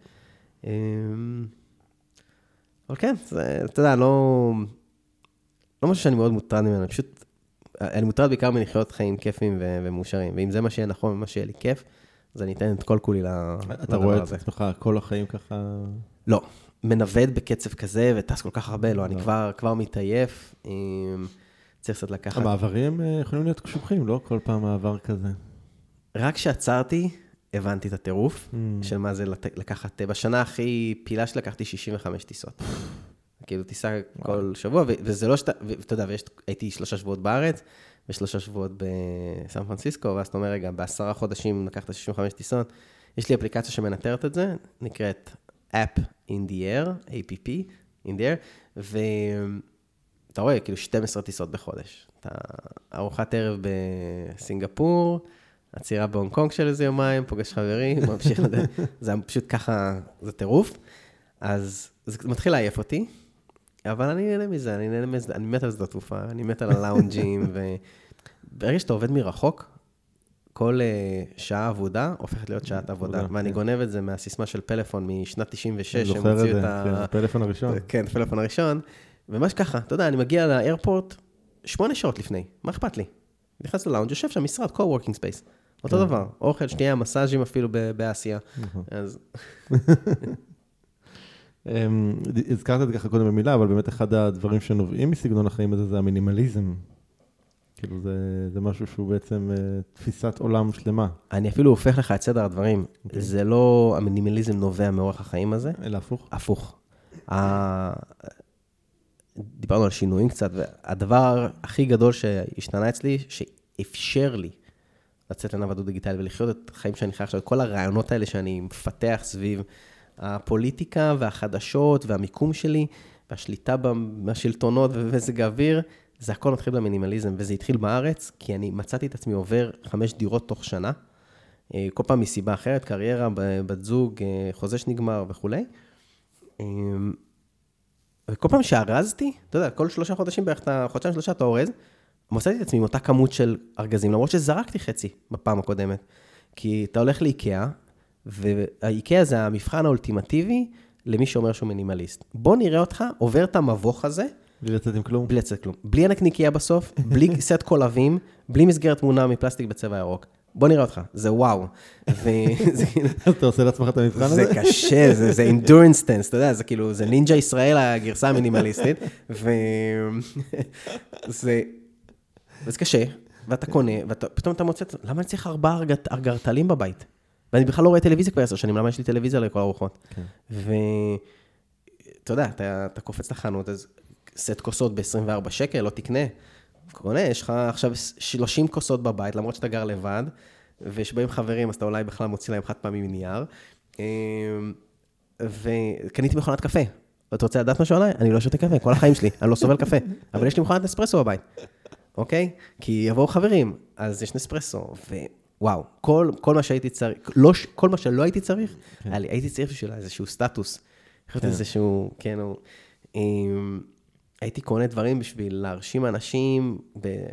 הייתי בן אדם עם מעט מאוד סיפור, אבל מאוד, הרבה מאוד דברים. היום אתה יכול לפגוש אותי באיזה הוסטל ב... בהודו, אתה תחשוב כאילו מי זה הבקפקר הזה שיושב שם, אתה תבוא לדבר איתי ואתה תגלה עולם ומלואו של מה עשיתי והדברים שאני, I stand for.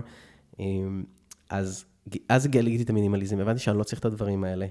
אה, אני אפילו לא יודע איך, אבל פשוט התחלתי לזרוק דברים ולמסור דברים, היה לי בגדים, טיקטים, עוד שהבאתי איתי מארצות הברית, והתמכרתי. ככל שזרקתי יותר, אמרתי, וואו, גם זה, זורק את זה ולא צריך את זה. יש משהו מאוד משחרר בזה. וואו, והפסקתי להיות סנטימנטלי לדברים, כן? יש לי איזה מכתב שקיבלתי, מכתב אהבה בכיתה ו', צילמתי אותו. יש לי תיקיית אה, נוסטלגיה ב Drive, ומישהו מנסה לפרוץ, אז תדעו שזה מה שאתם תמצאו שם, את המכתבי אהבה שלי מכיתה ו', ו... ואוקיי, זה נוסטלגיה. וגם גם היום שאני רוצה לקנות משהו, זה כל כך הרבה דברים שאתה רוצה לקנות, הכל יפה. כן, אז אני לא צריך לקנות, אני מצלם תמונה, אני יכול לחזור לזה מתי שאני רוצה, כן? אז זה, התחלתי להיפטר, ופתאום מצאתי את עצמי בסופו של דבר עם שתיים וחצי מזוודות של דברים, ולא ירד ממני משקל פיזי של ציוד, ירד ממני משקל מהכתפיים. כן. אתה רוצה לטוס רגע לשבועיים לברצלונה? טוס, כאילו, אתה לא צריך למצוא רנט ל...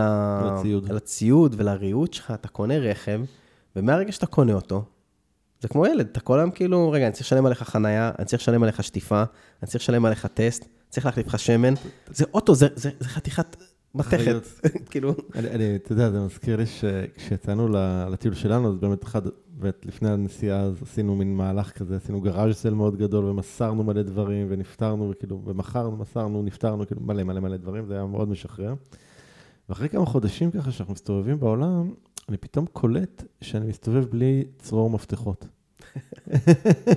וזה משהו מאוד סימבולי, כאילו, אתה יודע, אין לך פתאום מפתח לרכב, ולא לבית, ולא, לרכ... ולא למשרד, ולא לתיבת דואר, וכאילו, אתה, אתה מסתובב בלי צרור. כאילו, זה, זה, יש בזה משהו מאוד מאוד אני אוהב מאוד... את אה, הסימבוליות הזאת. כן. תחשוב, כאילו, אתה, כל המפתחות האלה זה בסוף אה, אה, אה, אה, אחריות על משהו.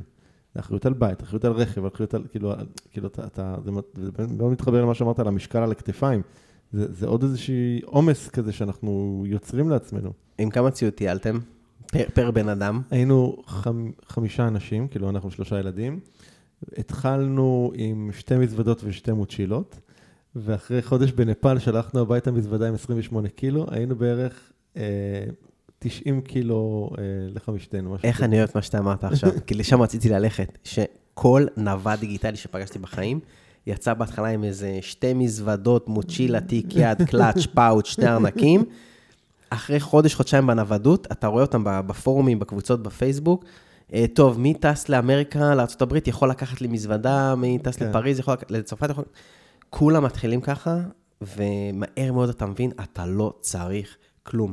co-working space בשבילי, מתחם עבודה משותף, אני תמיד קורא לזה, משרד שאתה יכול לבוא עם אותה חולצה כל יום. אתה יכול לבוא כן. כל יום עם טישרט שחור ו- ושורטס, והכל בסדר, ואף אחד לא שופט אותך, כי כולם מגיעים אותו דבר. אה, וואו, כמה מעט אה, צריך, ו- וגם היום, כשאני מסתכל על הטרולי שלי ואני אורז אותו, אני אומר, למה אני צריך שמונה זוגות גרביים? שבע זה מספיק. נפתר. אני, וואו, אני, אני מת לטייל בעולם עם זה. הוא מראה לי מה זה. זה, מה זה, זה ארנק, זה שלי. זה ארנק כרטיסי אשראי כזה זה, קטן. זה כל מה שיש לי, זה הארנק הכל שלי. זה ארנק, אה, אתם לא נמצאים בשידור, אבל זה בגודל של כרטיס זה אשראי. קטן, קצת יותר גדול מכרטיס אשראי. כן. זהו, זה והטלפון, וגם אגב, היום, היום שאני יוצא, אני בקושי לוקח, אה, גם את הארנק אני לוקח, כי בטלפון, אה, אני. משלם בכל העולם עם הטלפון. אה, ועכשיו, אגב, בארצות הברית, אפל מאפשרים לך שהרישיון נהיגה ותעודת הזהות שלך יהיו בטלפון. ומקובל על ידי הרשויות, באופן רשמי. אז החלום שלי זה לטייל רק עם טלפון וארנק. ואני לא צריך את התיק גב, אני לא צריך את הטרוי, למה אני צריך לקחת את הבגדים שלי איתי? זה, אני, אני מסתכל, כשאני יושב בשדה תעופה ואני מסתכל על אנשים שעוברים מולי עם המזוודות הענקיות שלהם, אני אומר, וואי, הבן אדם לקח את הארון עץ שלו, ופשוט מסתובב איתו בעולם, מה אתה עושה? מה אתה עושה? למה אתה לוקח את הארון שלך איתך? יש את הסרטים הישנים על המזוודות של פעם, זה ממש היו ארונות, היו שם מגירות, כן, אתה זוכר את הדברים? למה לקחת את המדפים? אבל אתה יודע, אני זוכר שבאמת אחרי חודש של טיול ישבנו בנפאל והיינו לקראת מעבר להודו, ואז אנחנו אורזים ואני מסתכל על הדברים, ואני לקחתי איתי שני ג'ינסים, כאילו, לנסיעה. ואני אומר, רגע, אבל את הפעם האחרונה שלבשתי ג'ינס זה היה רק בטיסה. כאילו, מאז, כאילו, אני כבר חודש פה לא, לא, לא לבשתי ג'ינס, אז למה אני צריך שניים? כאילו, זה סוג הדברים באמת כן. שאתה, עד שאתה לא חווה אותם רגע במציאות, קשה לך לתפוס את זה שאתה לא תצטרך שני ג'ינסים. כאילו, לי סנ- לי- סנסציה זאת שאתה שם את הג'ינס כן, כאילו, אחרי נכון. חצי שנה? לא, זהו, אז פתאום קלטתי שאני עם ג'ינסים, כי, כי גם אנחנו, אנחנו היינו רק בקיץ, כל הזמן רדפנו אחרי הקיץ. אז כאילו, פתאום קלטתי שבג'ינסים אני רק בטיסות, כי, כי היה לי קר תמיד בטיסה, אז הייתי לובש ארוך. כאילו, זה, זה, זה הסיבה היחידה שלבשתי ג'ינס, כאילו, כל הטיול, כל השאר הייתי בשורטס כל הזמן. כשהתחלתי את המינימליזם והתחלתי את המסע לחו"ל, אז נכנסתי לאיזה פורום של מינימליסטים ואמרתי, תגידו, איך אתם מטיילים רק עם שני ג'ינסים? אני עם שלושה או ארבעה ואני לא מצליח לרדת לשניים. והם פשוט אמרו לי, שניים? אתה משוגע? כאילו, מה אתה... אנחנו, יש לנו אחד, מתקלחים איתו, תולים אותו לייבוש, חוד למחרת לא. כן. אז אה, בא לי לראיין אותך, האמת, שאתה מדבר על משפחה, כי, אה, אתה יודע, אני לא משפחה, והנה נבדתם. איך הייתה לכם החוויה? איך זה על הילדים? אה, אתה יודע, כמו כל חוויה מהכל. כאילו, היו רגעים מדהימים והיו רגעים מורכבים. דיברת קודם על מעברים, אני, אחד הדברים שדי, כאילו, אחרי כמה, בערך חודשיים פתאום קלטנו, שהמעברים הם מאוד קשוחים. זאת אומרת, שאתה עובר ממקום למקום, זה אפילו לא, לאו דווקא ממדינה למדינה, אפילו בתוך מדינה ממקום למקום. המעבר עצמו הוא קשוח, וכשהבנו את זה, אז, אז כל צורת המעבר שלנו נהייתה יותר באיזי. זאת אומרת, היינו כן כדי, אתה יודע, זה, זה דבר אחד שאתה מגיע אה, לאיזה, מדין, לאיזה עיר, מרכז העיר, ואז אתה מחפש איפה לישון כשאתה עם ילדים. אז כן היינו, נגיד, כשמגיעים למקום חדש, אז הייתי דואג למצוא איזה מקום שנראה לנו סביר לשניים, שלושה לילות הראשונים, כדי שיהיה לנו מיד איפה להגיע, ואז היינו לוקחים את ה... באמת, שזה שלושה ימים כאלה באיזי במקום לאוריינטציה.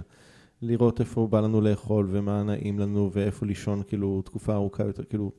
ו- וזה זה מאוד הקל על המעבר, כי המעברים באמת היו, היו יותר קשוחים. אני חושב שהילדים הם קיבלו פה באמת חוויה מאוד מאוד משמעותית לחיים. אני, אתה יודע, ראיתי אותם בכל מיני נקודות כאלה, וזה זה היה מעניין, כי נגיד עם הקטן, שהוא היה אז בכיתה ג', אז הם, לקחנו מהארץ כל מיני חוברות של כיתה ד', שהוא יושב וילמד וזה, אז אתה יודע, זה... החזיק בערך בקושי, אולי חודש, אולי, אולי בקושי, באיזשהו שלב כאילו שחררנו את זה. הבנו שזה לא, זה באמת, זה, זה לא משמעותי, זה, זה באמת לא משמעותי, הוא לומד כל כך הרבה דברים אחרים, וזה לא מתוך החוברות אה, כתיבה או חשבון, ובאמת כשחזרנו לארץ, אז, אז באמת, בתוך אה, ממש חודשים ספורים, את הפערים שהיו, אתה יודע, כבר לא הורגשו בכלל, אז, אז זה היה באמת חסר משמעות. מדהים. אני כל כך שמח לשמוע את זה, כי זה in line עם כל מה שאני שומע ממשפחות אחרות של... אה, הילדים מקבלים חוויה, אני רואה ילדים של נוודים דיגיטליים שהם הופכים להיות יותר יזמים, ובגיל מאוד צעיר, מדברים כן. שפות אה, יותר פתוחים לעולם, כי אתה הולך לבית ספר בינלאומי עם ילד אה, איראני, וילד פקיסטני, וילד אנגלי, וילד אמריקאי, וזה פשוט... חד משמעי, אני, אני יכול להגיד לך, הגדול שלנו אז היה בן 17. כאילו היה שנת י"ב שלו שיצאנו לטיול, והוא השאיר פה בארץ חברה. אה, עכשיו, זה לא משפחה עם ילדים קטנים שאתה אומר להם, אוקיי, כולם עכשיו ללכת ימינה וכולם הולכים ימינה. אתה יודע, ילד בגיל 17 כבר יש לו רצונות משלו, הוא מבוגר. ואחד הסיכומים שלנו איתו היה זה שאחד, שאם הוא ירצה לחזור, אז הוא חוזר, ושגם תוך כדי טיול יהיו לו אתנחתאות לבקר בארץ כחברה וזה. אגב, הסיבה שבאמת גם קיצרנו את הטיול, היינו אומרים, התכנון היה לצאת לשנה, עשינו שבעה חודשים, זה היה כי באמת באיזשהו שלב הוא אמר, די, אני, אני רוצה לחזור לארץ, חברה, חברים, שנת י"ב וכזה. אבל אה, אז הוא באמת, אה, במהלך, במהלך הנסיעה, הוא, הוא שלוש פעמים אה, ביקר בארץ. וזה אומר שהוא טס לבד. אתה יודע, ילד טס לבד, עכשיו נגיד סתם, הפעם הראשונה שהוא חזר זה היה, טסנו מנפאל להודו, ומהודו הוא היה איתנו כמה ימים בהודו, ואז הוא חזר לארץ לשלושה שבועות.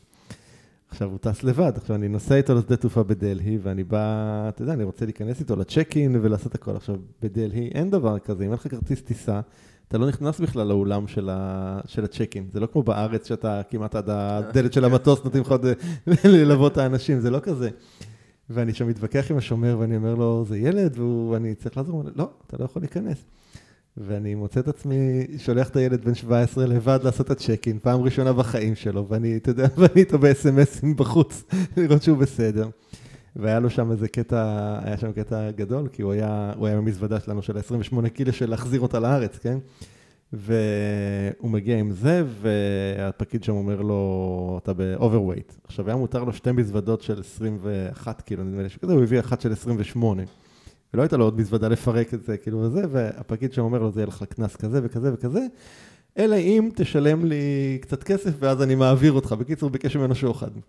עכשיו, הילד הזה, אה, אתה יודע, באופן יזמי לחלוטין אומר לו, תקשיב, אבל יש לי רק 100 אה, דולר בארנק ואני צריך לאכול וזה וזה וזה, אז הפקיד אומר לו, אין בעיה, אני אפגוש אותך בגייט, תלך לאכול ותיתן לי את מה שנשאר לך. ותומר אומר לו, סבבה. והוא שולח לו את המזוודה בלי קלאס ובלי כלום, והוא שואל אותי, אבא, מה עכשיו? אמרתי לו, עכשיו סבבה, מה עכשיו, ברגע שהמזוודה עלתה, גמרנו, אתה לא, אתה יודע, אין going back, אף אחד לא יוריד את המזוודה עכשיו מהמטוס. והוא מגיע לגייט, והוא אומר לי, הוא מסמס לי, אבא, השומר מחפש אותי. כאילו, הפקיד מחפש אותי. אמרתי לו, בסדר, כשהוא מגיע, תגיד לו, אין בעיה, אני רוצה לשלם לך, רק תן לי קבלה. ובאמת הוא שולח איזה חבר, ותומר אומר לו, זה, תתן לי קבלה, הוא מתעצבן, יעשו לך בעיות, אתה ברוסיה, בקונקשן, יורידו לך את המזוודה, תשלם 500 דולר, אמר לו, בסדר, בסדר. וטס. עכשיו, אתה יודע, זו חוויה שהוא לקח אותה נורא ב... בכיף כזה, ואני אני ראיתי איך ממש תוך כדי השנה הזאת, הוא, הוא באמת כל הקטע היזמות שלו, והליפול על הרגליים, והלהסתדר בכל סיטואציה, גם מורכבת, זה, זה מאוד שינה אותו, וכשהשתחרר מהצבא, אז, אז אתה יודע, השיחה שלנו אחרי מה אתה הולך לעשות, הוא אמר לי, אבא, אני לא הולך אה, לשבת עכשיו חמש, ארבע, חמש שנים ללמוד בשביל לעבוד באיזה קובייה בשביל מישהו, ו, ובאמת כל העניין של היזמות, אז אתה יודע, אנחנו עושים עכשיו נדל"ן בארצות הברית ביחד, והקמנו עסק ביחד, והוא עושה בשוק ההון, והוא... אתה יודע, הוא מפתח לעצמו לייפסטייל אחר לגמרי מהמסלול הרגיל, כן. המיינסטרימי, כן. זה מאוד מאוד עזר, אין לי ספק. מה שלוקח מסיפור השדה תעופה בהודו שלך, זה שזה לימד אותך משהו, לא רק את הבן שלך, וזה מה שאהבתי שם במיוחד, שאתה פתאום היית צריך לשחרר את הבן שלך לטוס נכון, לבד, נכון. וזה שיעור אה, להורים לא פחות מהילדים. לגמרי, לגמרי, לגמרי. עוד איזשהו דבר מעניין שככה כתבת לי בהכנה, זה שאתה הפסדת לפחד מכישלון. מה זה אומר? שהגדרתי מחדש מה זה כישלון עבורי, כן? אוקיי, מה זה? היום אני מאמין בלהיכשל מהר ולהיכשל כמה שיותר, כן? Mm. אמ, כישלון זה משהו מבחינתי שהיום, אם הייתי חוזר אחורנית בזמן, והיה לי את האפשרות לשנות אותו, הייתי עושה שונה, הייתי עושה אחרת. אבל אין שום דבר בחיים שלי, אתה יודע, חוזר לי"א, חוזר לצבא, חוזר להחלטות אחרי זה לקריירה, כי יכול להיות שהייתי יכול להתחיל להיות נווד דיגיטלי יותר מוקדם. יכול להיות שהייתי קונה ביטקוין לפני עשר שנים, כן? כן.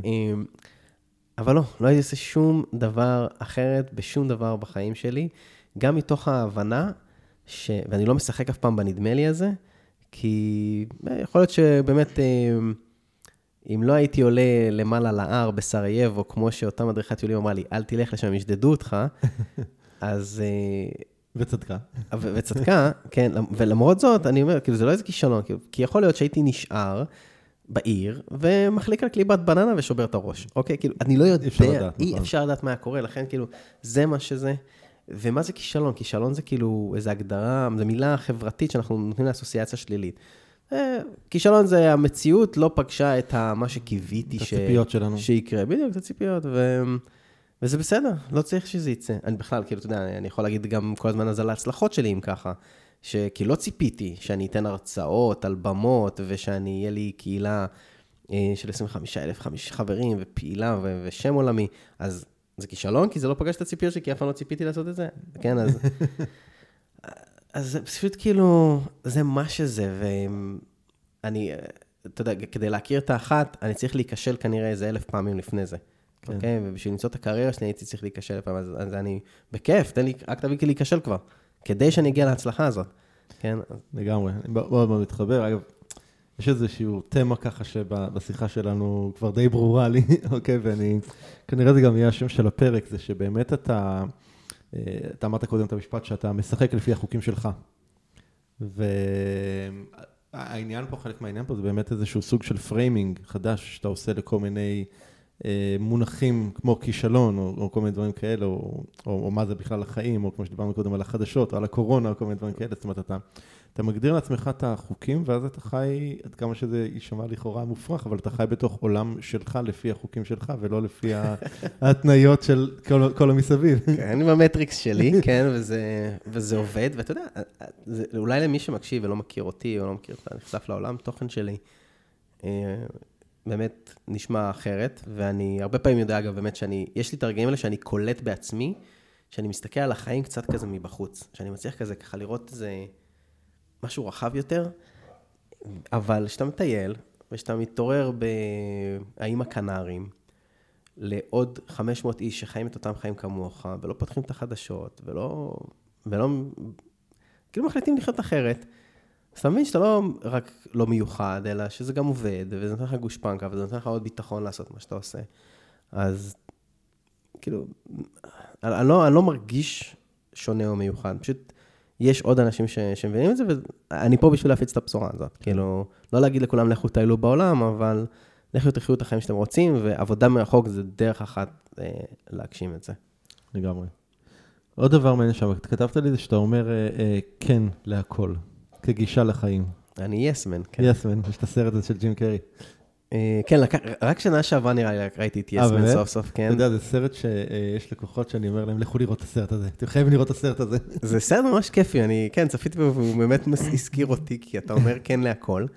וזה כן, זה פשוט כן לחוויות, אה, וכן להזדמנויות. לא, לא, רציתי, לא תכננתי להיות מרצה, אבל פנו אליי יום אחד במסנג'ר, בפייסבוק, אמרו לי, אה, דין, אני נהנה לעקוב אחרי הסיפור שלך, אתה רוצה לתת הרצאה.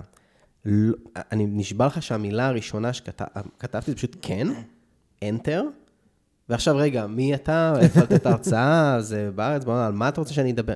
קודם כל כן, למה? כי ברגע שאני אומר כן, אני מעביר את ההזדמנות אליי, את הזכות להגיד לא, עדיין נשמרה לי, זה לא שעכשיו, כן. הנה התחייבתי, ואני צריך לעמוד במנורה מול עשרת אלפים איש, וגם אם כן, הכל בסדר. אבל קודם כל העברתי, אם אמרתי לא, תחשוב רגע שאתה מקבל שיחת טלפון ביום חמישי, אומר לך, אה, ערן, יש לנו איזו הצעת עבודה מדהימה לך, פרויקט שאנחנו רוצים שאתה תוביל. ואתה אומר להם לא, או תנו לי לחשוב על זה. יום ראשון בבוקר אתה מצלצל אליהם, ואתה אומר להם, חבר'ה, החלטתי שכן. הם כבר במקום אחר. הם כבר, תשמע, אמרת שאתה צריך לחשוב על זה, מישהו אחר אמר כן, ההזדמנות נכון. עברה. עכשיו, תוך כדי שאני ואתה מדברים פה, נפתחו ונסגרו בעולם אלפי משרות. מישהו קיבל משרה, מישהו התחיל משרה, מישהו סגר משרה, מישהו עזב משרה. אז אני מעביר אליי את ההזדמנויות, והיום אני גם אומר קצת יותר לא, אבל, כי פשוט אני באובר קפסיטי מטורף, כי אמרתי כן להכל, אני co-founder באיזה 30 חברות. לא, אז, אז אני פשוט לקחתי באמת המון פרויקטים, ו, אבל הכן הזה הוביל אותי לקפוץ ממטוס, הכן הזה הביל אותי לטפס על הרגש פעיל, הכן הזה הוביל אותי ליותר מ-100 מדינות, לאנשים מדהימים. כל פעם שאני מגיע למקום, יש תמיד אירועים כאלה, מיטאפים של מטיילים, של expat, של locals, של digital nomads, ו... כל היום אתה עובד, או טיילת, או שאני עסוק, ומגיע עשר בלילה, ויש meetup, וכל פעם זה אותו דבר, מה, אני אלך, כאילו, הורדתי את הנעליים כבר, אני בבית, בנוחות על המיטה, וכל פעם אני אומר כן. Hmm. איכשהו אני מצליח להקים את עצמי, וכל פעם שאני חוזר אחר כך באיזה שתיים בלילה, אחרי איזה ארבע דרינקים, אני אומר, וואו, וואו, וואו, איזה מזל שהלכתי, איזה אנשים הכרתי, איזה חברים, איזה סיפורים, איזה רעיונות. וכל, אני, אמרתי את זה קודם, אני תוצר של כל האנשים שפגשתי בהם, אותם בעולם, ואני, לפתוח קהילה זה רעיון של מישהו אחר, ולהתמקד בשוק הישראלי זה רעיון של מישהו אחר שפגשתי בבולגריה ליד איזה מזרקה מחוץ למתחם עבודה משותף, ו, וככה כל דבר זה, זה התוצאה של... אם הייתי אומר לא לכל דבר, הייתי יושב בבית מול הטלוויזיה וזהו. לא, לא, כן. לא, לא, לא, ומפחד מזה שמאכילים אותי שהקורונה תקפוץ עליי, איך שאני יוצא מהמשרד, כן? כאילו, חכה לי בפינה. אז הכן הזה באמת, כל החוויות, כל הכישלונות וכל ההצלחות זה, זה תוצאה של כן. מה, יש לך איזה ככה דוגמה, נגיד, לדברים הכי משמעותיים שנפתחו בעקבות כן כזה? אז ההרצאה הראשונה הזאת, זו הייתה חברה שעוזרת להפיק הרצאות, Mm. ומילאתי את ההרצאה הראשונה ואת השנייה ואת השלישית, ועד היום אני מרצה ונהנה מזה, זה- וגיליתי שזה, אגב, זה הדבר שאני חייב לעשות. Mm. אה, אם אני צריך לבחור דבר אחד לעשות, אז זה יהיה לתת את ההרצאות, ובאמת אה, לנסות להשפיע ולעזור לכמה שיותר אנשים פשוט בצורה הזאת. אה, אני מנסה לעשות דברים היום בסקייל ענק, כן? כלומר, אני רוצה להשפיע על מדינות, על עמים, על, לא על אה, אינדיבידואל בהכרח, לעבוד איתם באחד על אחד. אה, וזה אחר כך, כן, דין, אתה רוצה להיות בטלוויזיה? יש לנו איזה כתבה בטלוויזיה. כן, או לא, לא אמרו לי על מה זה, כאילו, אה, באינדונזיה פותחת שעריה, אה, טוב, אוקיי, חשבתי שרוצה שנדבר על נוודות. אבל כן, וכן, ו... זה, תשמע, אמרתי כל כך הרבה שאני כבר לא יכול לזכור, כאילו, זה, זה ההחלטות הכי קטנות ביום, להקים קהילה בפייסבוק, זה לחיצה על כפתור, start a group. כן. כן, אני אעשה את זה. כל אחד יכול לעשות את זה, אבל אני עשיתי. אמ, אז כן, זה כל יום, אני, שמע, זה- תגיד, איך, איך אתה בוחר את המדינה הבאה, את היעד הבא? כאילו, מה, איך זה, איך זה עובד, המנגנון הזה?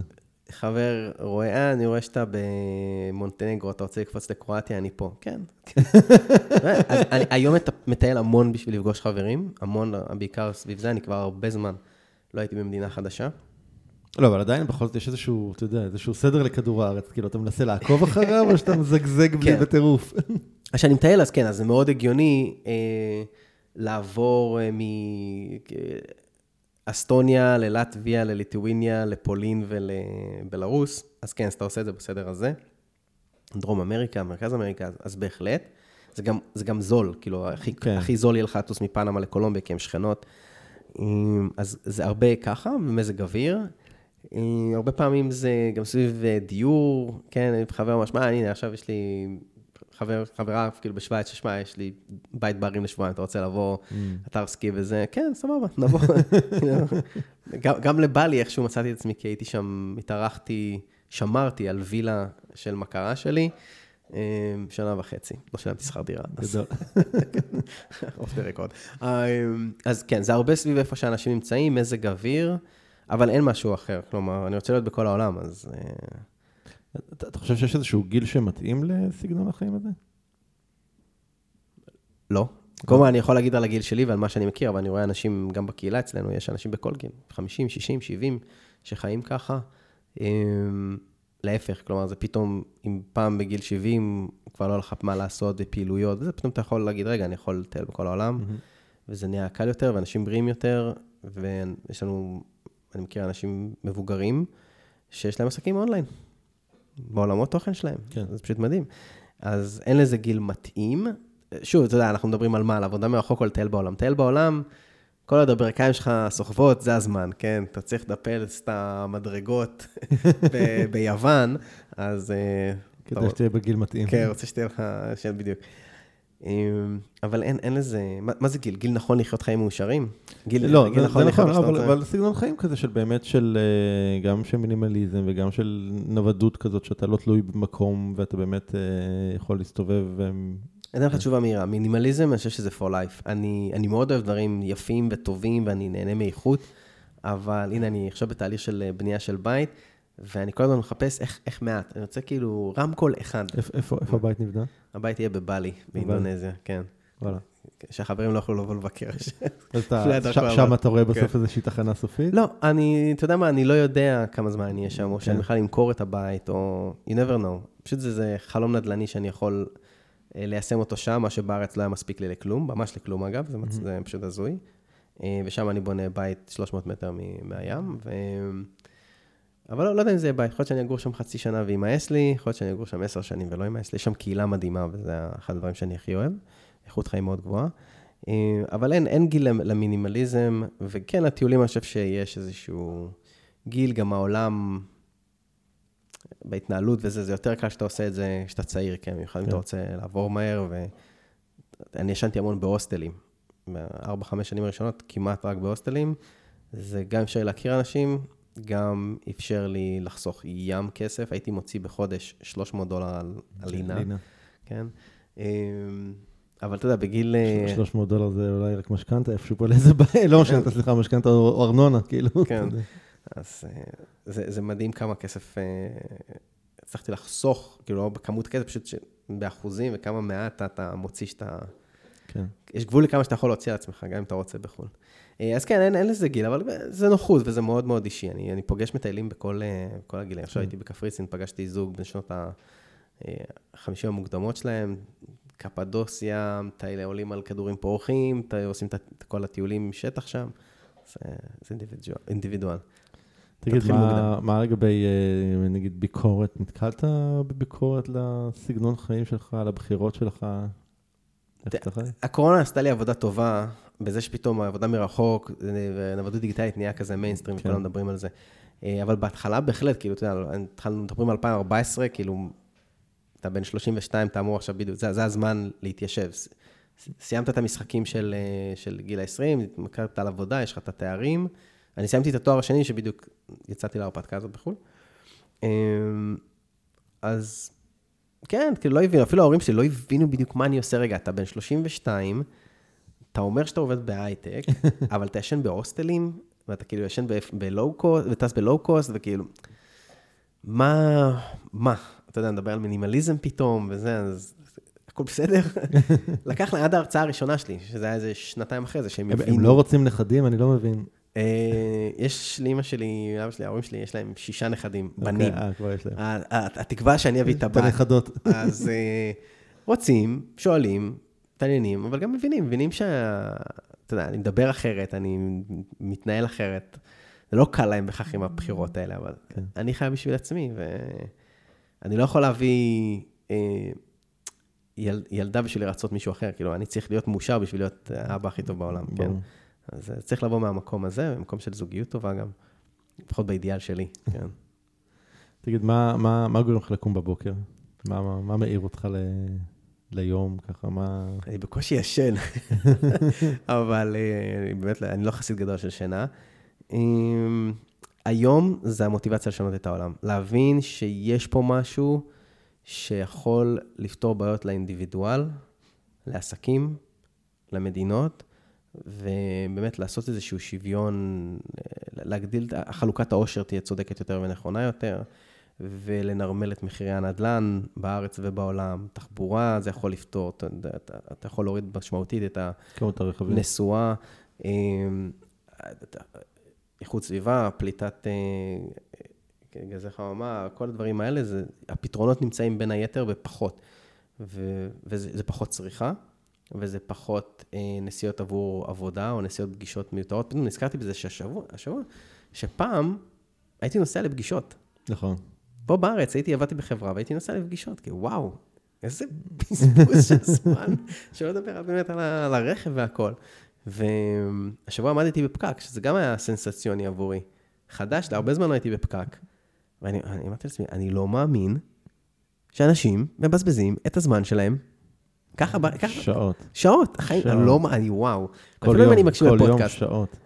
אני, זה, זה כאילו, עכשיו זה נראה לי כזה עולם ישן. אז אני כבר לא זוכר מה שאלת אותי. שאלתי, מה, מה גורם לך לקום בבוקר? כן, אז, אז היכולת, הרעיון הזה שאני יכול לשנות את העולם, ואני יכול, אני יודע שאני יכול לעזור לאנשים, כי אני, אני עושה את זה ואני שומע את זה מהם, וזה נותן לי המון אנרגיה אה, להמשיך, ועשיתי את זה בסקייל קטן בארץ, ואני רוצה עכשיו לקחת את זה לסקייל העולמי. הלגאסי שלי בסופו של דבר, זה... אני רוצה מי ששם את העבודה מרחוק והנוודות דיגיטלית על המפה בישראל ועשה את זה a thing, וגם ברמה העולמית לעזור. אני לא צריך את הפרסום, אני לא צריך שיגידו, אני לא צריך שישפיע אה, על 100 מיליון או 10 מיליון או זה, אבל הקורס שלי זה להשפיע על אנשים. כמה יהיה וזה פחות משנה לי. Mm. שאלו אותי פעם, אתה לא רוצה להיות מפורסם? אמרתי, מפורסם, כאילו, מכירים אותי כמה אלפי אנשים, זה, זה הפרסום, כאילו, הכל בסדר, לא צריך כאילו את כולם. תגיד, אם הייתי יכול אה, לארגן לך שלט חוצות ענק, ששמים אותו במרכז העולם, שכל אדם בעולם יכול לראות אותו, מה היית כותב עליו? Say yes. say yes. go explore. זה מאוד פשוט. Hmm. מה, מה אתה חושב, מה היית רוצה שיכתבו למצבה שלך? קודם כל תהיה מצבה? לא, איפה לא בעולם? לא, לא צריך מצבה, פזרו אותי בכמה... לא, אולי זה יקרה בחלל. אני רוצה אגב להגיע ל-196 מדינות העולם ולחלל החיצון, כאילו, אה, לטוס לחלל, זה חוסך גם לזה. Say yes. say yes. say yes going so באמת, כאילו, לא חשבתי על זה עדיין. מה מה רוב האנשים לא יודעים עליך? אה, אין דבר כזה, אני ספר פתוח, אה, אה, אין, אין, אין לי סודות, זה פשוט, אה, זה, זה שמח ועצוב באותה מידה, אין לי סודות, אני מאוד משתף, גם בקהילה, בעיקר בקהילה, אני מאוד פתוח על הכל, כאילו, זוגיות, על פורטפוליו ההשקעות שלי, על דברים שקורים בחיים, אני משתף המון את ה... את הקהילה, בהחלטות שלי לגבי הקהילה, למרות שאתה יודע, אנשים יגידו, רגע, זה הסוד העסקי שלך, כן? אני, אז כאילו, הסיקרט סוד של how you operate, אבל אני שם את הכל בחוץ, וזה קונה בזה הרבה מאוד אה, הערכה ו-trust. כן, בין אמון. כן. אמ, לאן מכאן? מה יהיה הדבר הגדול הבא מבחינתך? עוד פעם, היעד? מה יהיה הדבר הגדול הבא מבחינתך? אמ, אז כן? כן, כמו שאמרתי, אני עושה, אני מרגיש שאני עובד היום בעיקר במקומי. אני רוצה להשלים את המשימה פה בארץ, לעזור לחברות לאמץ את המודל של עבודה מרחוק. אני רוצה לעבוד עם יותר ויותר חברות גדולות במשק, ולעזור לעשות את זה נכון, כי, כי אני לא, אגב, חושב שעבודה מרחוק זה פתרון לכולם, אני בהחלט חושב שזה לא מתאים לכולם, ואני לא חושב שזה פתרון להכל. צריך לדעת לעשות את זה בצורה נכונה. אה, לאמץ את זה כדי לשמור על תרבות ארגונית, ולשמור על הפריון, להעלות את הפריון, כי אנחנו מדברים על מדינה עם הפריון הכי נמוך במדינות המפותחות. אה, ולדעת לעזור לאנשים להתמודד גם פתאום, כי אנחנו מתמודדים עם בדידות, ואיך עושים את זה בלי שתרגיש בודד. כן.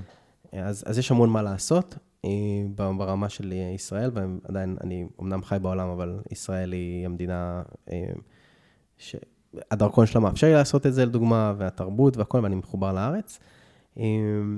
אבל אני רוצה לעשות ברמה העולמית. אני רוצה לעזור למדינות, היום אני עובד עם קרואטיה, אה, לדוגמה, סביב נושא של אה, נוודים דיגיטליים, איך לעשות את זה, למשוך אותם, לעזור להם לבנות קהילה שם. אז אני הייתי רוצה לעשות את זה. טוב, יש משהו שלא שאלתי והייתי צריך לשאול? אה, בוא נסתכל רגע בדף שלך. יש פה רשימה של שאלות ארוכות, הרבה שאלות. מי האדם שהכי השפיע על החיים שלך? ואיזה ספר שקראת הכי השפיע Mm, עליך? אה, יאללה. טוב, בואו נענה על שני אלה, כן. קדימה. אז אדם, אה, יכול להיות שז'אן פייר אה, אלכסנדר. לא, אבל- כן, עם המאה תשעים ושש 196. מדינות. אבל אה, אני חושב שכאילו ברמת הבן אדם שאני, אז כנראה אימא שלי, אני מאוד רגיש כמו עם הרעיון הזה של טייל בעולם, מגיע מאיך שגדלתי תחת כנפיה. אה, אבל אני אגיד את זה פעם שלישית, תוצר של כל האנשים שפגשתי, אתה יודע, אינטראקציה איתך עכשיו, זה גורם לחשוב, אני לוקח מזה רעיונות, אה, אני מקשיב לפודקאסטים, אני, הכל נבנה מ... לא נולדתי עם אף אחד מהרעיונות שיש לי. הכל כן. איכשהו הגיע לאיכשהו, אני אפילו. לא יודע להצביע לך איפה. אה, אז זה, ומבחינת אה, ספרים, אז גם אין המון ספרים שאני קורא, אני, כי אני ניזון מפודקאסטים, אבל כן אני מאוד אוהב את האלכימאי. יש ספר אה, שכל אחד שיקרא אותו, ייקח אותו ככה קצת למקומות אחרים בעולם, וזה מה שיפה בו, כי הוא גורם לך לחשוב על האומנס, על הסימנים שהחיים נותנים לך. ואני מאוד אוהב ספרים כאלה של אבא עשיר, אבא אני, 4 hours work week, אה, רעיונות שאני מצליח לפתח אותם אחר כך. אה, אז יש, כמה שאתה רוצה, אני, יש לי זמן. לא, אבל כן, אז זה לא ספר אחד שהייתי רוצה להצביע, זה באמת, כנסו לפודקאסטים, תתחילו להקשיב להכל, כאילו. זה- יש פודקאסט שנקרא The Moth, M-O-T-H, וזה פודקאסט של מספרי סיפורים מכל העולם. זה פשוט everyday people, כמוני כמוך, שעולים על במה ובמשך עשר דקות מספרים סיפור שקרה להם מהחיים. זה יכול להיות על זוגיות ועל עבודה ועל טיול מצחיק או משהו שקרה, וזה everyday stories, וזה וואו, ממלא אותך השראה. אתה בוכה, אתה צוחק איתם, אז זה פשוט מדהים, וזה גורם לי להרגיש נורמלי, כי אתה רואה, אתה- שומע מה קורה מסביב לעולם, וזה פשוט כיף. גדול. אה, יש שאלה שהיית רוצה לשאול אותי? אמ, למה אתה לא מנווט בעולם עם המשפחה? אז קודם כל, אני לפני קצת יותר משנה התגרשתי. וחלק, זאת אומרת, יש לי שני ילדים מאוד גדולים, ויש לי ילד שהוא עוד מעט בן 14. אז כרגע, כרגע הוא צריך אותי לידו, וזה לא רק החלטה שלי לקחת אותו איתי, כזה. אה, וגם אימא ש... שעוד בחיים שתיבדל לחיים ארוכים, אז כרגע בשנים הקרובות אה, אני עוד כאן. אבל אה, לגמרי, ב... נסתכל נגיד, לא יודע, כמה שנים קדימה, אז אני לגמרי רואה את עצמי נצמד לטרולי ומתחיל קצת להסתובב. אה, יש לי גם, אתה יודע, גם בעסק כמה התאמות לעשות כדי לאפשר את המוד הזה יותר. גם היום אני יחסית גמיש, אבל עדיין יש כמה עוגנים שעוד, אה, אה, שהם עוד כאן, ואני בונה את ה... אני, אני, אני באמת, זה משהו שהוא מאוד ב... בתוכניות שלי, זאת אומרת, מאוד במחשבה שלי, הסיבה שאני גם ככה נחשפתי אליך, זאת אומרת, כאילו, גם באותו כנס לפני, לא יודע, אני שנתיים זה היה או שלוש. והניוזלטר שלך שאני קורא כל הזמן, כי, כי זה באמת ככה משהו שמאוד אה, מעסיק אותי, אז uh, גם יקרה. אה, נעזור לך שזה יקרה, כן. נשמח. ושאלה אחרונה ל- כן. לפרק, זה למה אתה עושה את הפודקאסט הזה? אתה משקיע מהזמן שלך הרבה כן, זמן. הרבה זמן. זה לא, לא שאמרת בוא ניפגש ונקליט, שלחת שאלות, עשית עבודת מחקר, תחקיר. נכון. כן. אמ, אני מאוד אוהב את המפגשים עם האנשים, קודם כל. כאילו, אני קיבלתי פה מלא השראה, ובכלל היה פה, היה כיף, אנחנו כבר אה, יותר משעה וחצי, והיה ממש כיף, ואני מאוד אוהב את השיחות האלה, אני, זה פותח לי את המחשבה. אמ, זה משהו ש... אה, יודע שהרבה מאוד אנשים מקבלים ממנו השראה, ואתה יודע, זה הדרך גם שלי, זאת אומרת, להביא את הסיפור. זאת אומרת, אחד התגובות שאני, שאני שומע הרבה על הפודקאסטים, מאיפה אתה מביא את האנשים המעניינים האלה? כאילו, זה כאילו כזה. ו... וזה, וזה, וזה נורא כיף, כאילו, אתה יודע, זה כמו שכתבתי לך לפני כמה זה היה, שלושה שבועות, אני חושב, כאילו, out of the blue, כאילו, ישבת לי בראש המון זמן, כאילו, היית ברשימה שלי המון זמן, ואז שלחת איזה מייל ואמרתי, או, הנה, עכשיו אני, עכשיו אני כותב. ואז אז אה, יודע שאנשים מקבלים מזה הרבה, וגם מבחינה בסוף, אתה יודע, זה, זה גורם לאנשים לפתח אמון בי. והרבה אנשים ששומעים את הפודקאסטים האלה וכולי, אחר כך מגיעים לכל מיני תוכניות וכולי, קוראים ספרים, זאת אומרת, זה, זה, זה, זה, יש פה משולב של הדברים, אבל באמת הדבר המרכזי מבחינתי זה, ה, זה קודם כל העניין האישי שלי. זה, זה הרצון שלי לפגוש את הסיפורים המעניינים של אנשים שעשו דברים מעניינים. מדהים, וכן, יצא לי להקשיב אה, באמת לכמה פרקים לאחרונה, וכיף, כאילו גם הצורה שאתה מעביר את הרעיון, וגם האנשים שאתה באמת מביא, והקליבר והסיפורים מדהימים. ואתה יודע, אחד הדברים שאני מצטיין בהם בשנים האחרונות זה הפיכות שלטוניות. אז אה, ערן שטרן, תודה רבה שהיית בתוכנית שלי. גדול.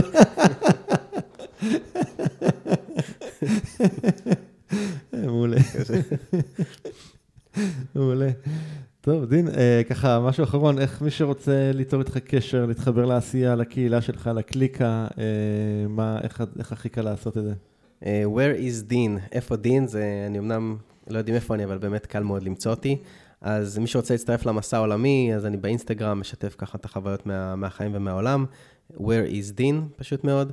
אה, הקליקה, שזה מועדון חברים של הקהילת פייסבוק, וזה מין mastermind שאנחנו עוזרים אה, לכל אלה שרוצים להיכנס לעולם של עבודה מרחוק ונוודות דיגיטלית, וגם ב mindset, אתה יודע, מדברים על מינימליזם, מדברים על עצמאות כלכלית, על מה שנקרא FIRE, אז אה, זה dnisrael.co.il. אמ, עושים שם קסמים, באמת, כל כך הרבה אנשים שאנחנו אה, עוזרים להם פשוט לחיות איך שהם רוצים, כן? כי זה באמת לא סביב הטיולים בעולם. אה, וזה גם הופך להיות קהילה מאוד מאוד מאוד מחוברת. אז uh, יש את זה, ויש את נוודים דיגיטליים ישראל בפייסבוק, קהילה שוקקת חיים, הצטרפו אלינו, כיף שם. אני, כשהקמתי את נוודים דיגיטליים ישראל, הייתי שם בשביל בעיקר להוות השראה לאנשים ולתת מהידע והמידע והניסיון שלי. היום אני נכנס לקהילה בשביל לקבל השראה. מדהים. זה המקום שאני מקבל השראה ממנו, מהסיפורים, מהאנשים, זה, זה הכיף שלי. אני כן, מאוד מאוד uh, גאה בזה, וגם מאוד, זה מביא לי גם הרבה מאוד כבוד בעולם. אז uh, כן, where is Dean, please. אז אנחנו גם, אני אשים גם קישורים לכל הדברים האלה שציינת בדף של הפרק אה, באתר, אז אה, כל מי שרוצה ככה גישה מהירה, כנסו ל-doingchange.co.il, תגללו לפרק עם דין, ושם למטה יחכו לכם כל הכישורים האלה. טוב, דין, היה לי אה, באמת כיף, זה עבר, זה טס מהר. זה היה מאוד מאוד כיף, אז uh, תודה שבאת. Uh, המשך uh, מסע מדהים, ובוא נקבע שכשאתה מגיע ל-196 אנחנו עושים פרק נוסף. אני אשמח ואני אעשה את זה במהרה, אני מקווה. ותודה לך על הבמה הזאת וההזדמנות uh, לשתף את המסר ואת הרעיונות שלי. ולכל המאזינים, say yes ו-go explore, תגידו כן, צאו לגלות את העולם, אה, כבו את החדשות. לגמרי, say yes. להתראות, תודה.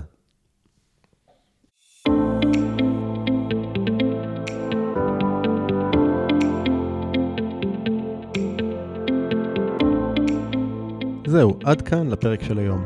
אם אהבתם את הפרק, אל תשכחו לדרג את הפודקאסט ב iTunes, Spotify, Google Podcast, SoundCloud, YouTube או בכל פלטפורמה אחרת שדרכה אתם מאזינים לנו כרגע. תוכלו למצוא אותו באתר הפודקאסט doingchange.co.il את כל הכישורים הרלוונטיים לפרק הזה.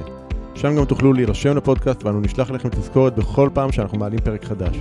נרשמים באתר doingchange.co.il אני מזמין אתכם לכתוב לי תגובות, מה אהבתם, את מי תרצו לשמוע בפרקים הבאים, או כל הערה והערה אחרת שיש לכם.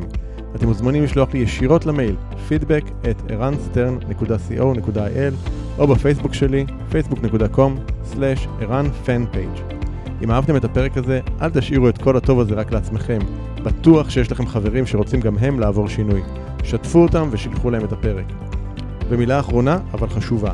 אם קיבלתם השראה מהפודקאסט ואתם מרגישים את השינוי בוער בכם, אם החלטתם שאתם רוצים שינוי ואתם מוכנים לעשות את מה שצריך, ולא את מה שנוח, כדי ליצור את השינוי הזה בחיים שלכם, אני מזמין אתכם לתאם איתנו שיחת בהירות, ללא עלות וללא התחייבות.